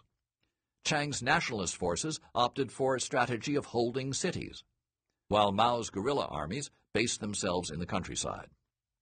Each sought to surround the other using Wei Qi strategies of encirclement. Amidst clamor for American intervention in support of the nationalists, President Harry Truman sent General George Marshall to China for a year-long effort to encourage the two sides to agree to work together. During that time, the nationalist military position was collapsing. Defeated by the communists on the mainland, nationalist troops retreated to the island of Taiwan in 1949. The nationalists brought with them their military apparatus, political class, and remnants of national authority including Chinese artistic and cultural treasures from the Imperial Palace collection. They declared the relocation of the Republic of China's capital to Taipei and maintained that they would husband their strength and someday return to the mainland. They retained the Chinese seat in the United Nations Security Council. Meanwhile, China was uniting again under the newly proclaimed People's Republic of China. Communist China launched itself into a new world. In structure, a new dynasty. In substance, a new ideology for the first time in Chinese history. Strategically, it abutted over a dozen neighbors, with open frontiers and inadequate means to deal simultaneously with each potential threat. The same challenge that had confronted Chinese governments throughout history. Overarching all these concerns the new leaders of China faced the involvement in Asian affairs of the United States, which had emerged from the Second World War as a confident superpower, with second thoughts about its passivity when confronted with the communist victory in the Chinese Civil War. Every statesman needs to balance the experience of the past against the claims of the future. Nowhere was this more true than in the China that Mao and the Communist Party had just taken over. Chapter 4 Mao's Continuous Revolution The advent of a new dynasty in China had, over the millennia, developed a distinct rhythm. The old dynasty would begin to be perceived as failing in its mission of protecting the security of the Chinese population, or fulfilling its fundamental aspirations. Rarely as the result of a single catastrophe, most frequently through the cumulative impact of a series of disasters, the ruling dynasty would, in the view of the Chinese people, lose the mandate of heaven. The new dynasty would be seen as having achieved it, in part by the mere fact of having established itself. This kind of upheaval had happened many times in China's dramatic history but no new ruler had ever proposed to overthrow the value system of the entire society. Previous claimants to the mandate of heaven, even and perhaps especially foreign conquerors, had legitimized themselves by affirming the ancient values of the society they took over and governing by its maxims. They maintained the bureaucracy they inherited, if only to be able to govern a country more populous and richer than any other. This tradition was the mechanism of the process of sinification. It established Confucianism as the governing doctrine of China. At the head of the new dynasty, that in 1949 poured out of the countryside to take over the cities, stood a colossus, Mao Zedong. Domineering and overwhelming in his influence, ruthless and aloof, poet and warrior, prophet and scourge, he unified China and launched it on a journey that nearly wrecked its civil society. By the end of this searing process, China stood as one of the world's major powers and the only communist country except Cuba, North Korea, and Vietnam, whose political structure survived the collapse of communism everywhere else. Mao and the Great Harmony Revolutionaries are, by their nature, powerful and single-minded personalities. Almost invariably, they start from a position of weakness vis-a-vis -vis the political environment and rely for their success on charisma and on an ability to mobilize resentment and to capitalize on the psychological weakness of adversaries in decline. Most revolutions have been on behalf of a specific cause. Once successful, they have been institutionalized into a new system of order. Mao's revolution had no final resting place. The ultimate goal of great harmony that he proclaimed was a vague vision, more akin to spiritual exaltation than political reconstruction. Cadres of the Communist Party were its priesthood, except their task was crusading, not fulfilling a defined program. Under Mao, cadres also led a life at the edge of perdition. For them there was always the danger, over time the near certainty, of being engulfed in the very upheavals they were incited to promote. The roster of leaders of the second generation, that of Deng Xiaoping, had almost all suffered that fate, returning to power only after periods of great personal trial. Every close associate of Mao during the revolutionary period including in the end his long-serving premier and chief diplomat Zhou Enlai, was eventually purged. It was no accident that the Chinese ruler whom Mao most admired was the founding emperor Qin Shi Huang, who ended the period of the warring states by triumphing over all other rivals and unifying them into a single polity in 221 BC. Qin Shi Huang is generally considered the founder of China as a unified state. Yet he has never been afforded ultimate respect in Chinese history because he burned books and persecuted traditional Confucian scholars, burying 460 of them alive. Mao once remarked that China's governance required a combination of Marx's methods and Qin Shi Huang's, and he eulogized the emperor in a poem. Please don't slander Emperor Qin Shi Huang, sir, for the burning of the books should be thought through again. Our ancestral dragon, though dead, lives on in spirit, while Confucius, though renowned, was really no one. the Qin order has survived from age to age. Mao's China was, by design, a country in permanent crisis. From the earliest days of communist governance, Mao unleashed wave after wave of struggle. The Chinese people would not be permitted ever to rest on their achievements. The destiny Mao prescribed for them was to purify their society and themselves through virtuous exertion.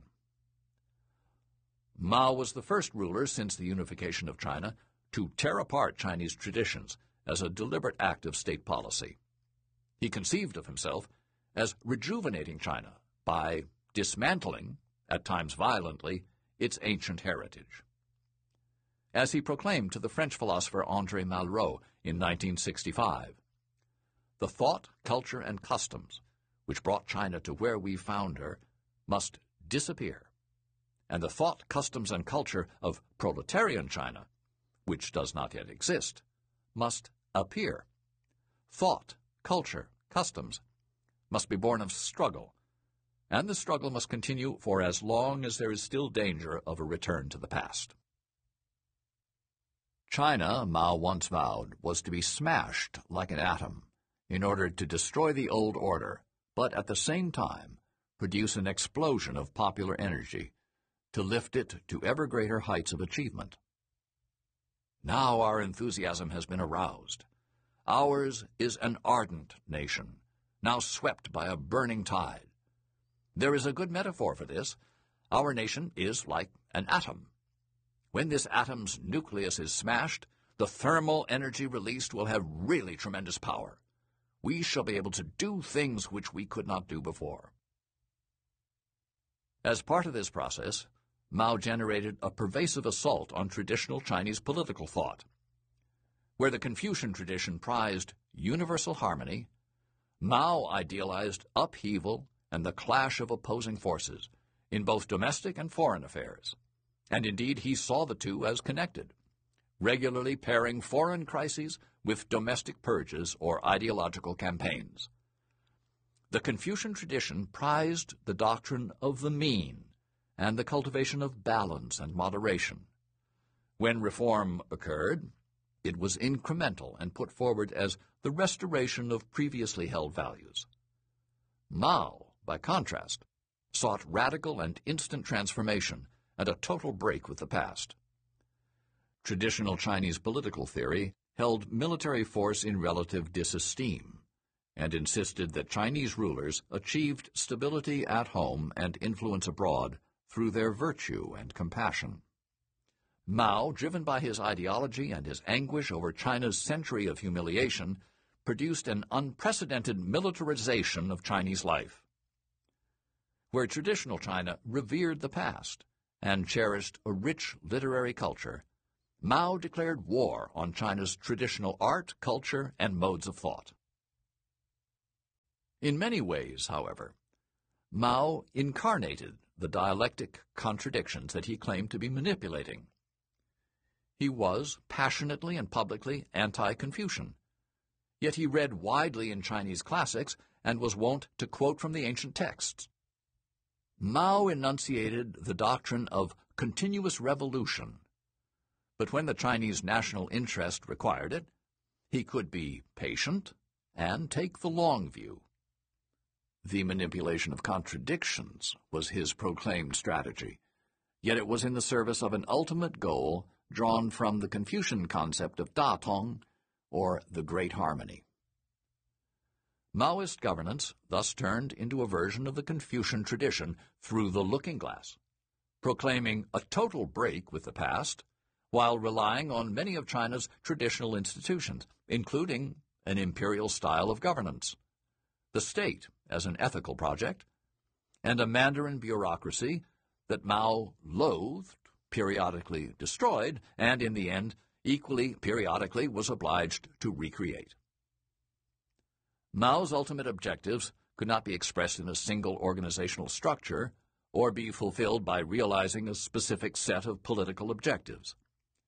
His goal was to sustain the process of revolution itself which he felt it was his special mission to carry on through ever greater upheavals, never permitting a resting point until his people emerged from the ordeal purified and transformed. To be overthrown is painful and is unbearable to contemplate for those overthrown. For example, for the Kuomintang Nationalist Party reactionaries, whom we are now overthrowing, and for Japanese imperialism, which we, together with other peoples, overthrew some time ago.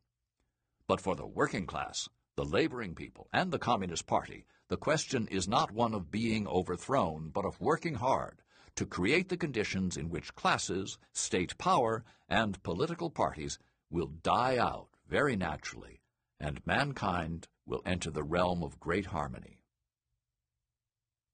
In traditional China, the emperor had been the linchpin of the great harmony of all living things. By his virtuous example, he was perceived to keep the existing cosmic order in joint and maintain the equilibrium between heaven, man, and nature. In the Chinese view, the emperor transformed rebellious barbarians and brought them to heel. He was the pinnacle of the Confucian hierarchy, assigning to all people their proper place in society. This is why, until the modern period, China did not pursue the ideal of progress in the Western sense. The Chinese impetus for public service was the concept of rectification, the bringing of order to a society that had been allowed to fall into dangerous imbalance. Confucius declared as his mission to try to recover profound truths that his society had neglected, thereby restoring it to a golden age. Mao saw his role as diametrically the opposite. The great harmony came at the end of a painful process, likely to claim as victims all who traversed it. In Mao's interpretation of history, the Confucian order had kept China weak. Its harmony was a form of subjugation. Progress would only come through a series of brutal tests, pitting contradictory forces against each other, both domestically as well as internationally. And if these contradictions did not appear by themselves, it was the obligation of the Communist Party and its leader to keep a permanent upheaval going, against itself, if necessary. In 1958, at the outset of the nationwide program of economic collectivization known as the Great Leap Forward, Mao outlined his vision of China in perpetual motion. Each wave of revolutionary exertion, he proclaimed, was organically a precursor to a new upheaval whose beginning needed to be hastened, lest the revolutionaries became indolent and start resting on their laurels. Our revolutions are like battles. After a victory, we must at once put forward a new task. In this way, cadres and the masses will forever be filled with revolutionary fervor instead of conceit. Indeed, they will have no time for conceit, even if they like to feel conceited. With new tasks on their shoulders, they are totally preoccupied with the problems for their fulfillment. The cadres of the revolution were to be tested by ever more difficult challenges at shorter and shorter intervals. Disequilibrium is a general objective rule, wrote Mao. The cycle, which is endless, evolves from disequilibrium to equilibrium, and then to disequilibrium again. Each cycle, however, brings us to a higher level of development. Disequilibrium is normal and absolute, whereas equilibrium is temporary and relative.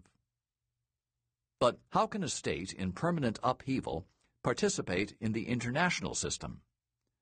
If it applies the doctrine of continuous revolution literally, it will be involved in constant turmoil and likely in war. The states that prize stability will unite against it. But if it tries to shape an international order open to others, a clash with the votaries of continuous revolution is inevitable. This dilemma beset Mao all his life and was never finally resolved. Mao and International Relations The Empty City Stratagem Chinese Deterrence and the Quest for Psychological Advantage Mao proclaimed his basic attitude toward international affairs on the eve of taking power. Before the newly assembled People's Political Consultative Conference, he summed up China's attitude toward the prevailing international order in the phrase, the Chinese people have stood up.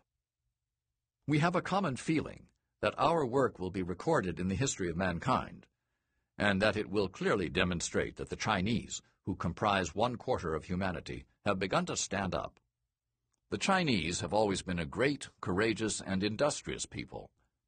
It was only in modern times that they have fallen behind, and this was due solely to the oppression and exploitation of foreign imperialism and the domestic reactionary government. Our predecessors instructed us to carry their work to completion. We are doing this now. We have united ourselves and defeated both our foreign and domestic oppressors by means of the People's Liberation War and the People's Great Revolution, and we proclaim the establishment of the People's Republic of China.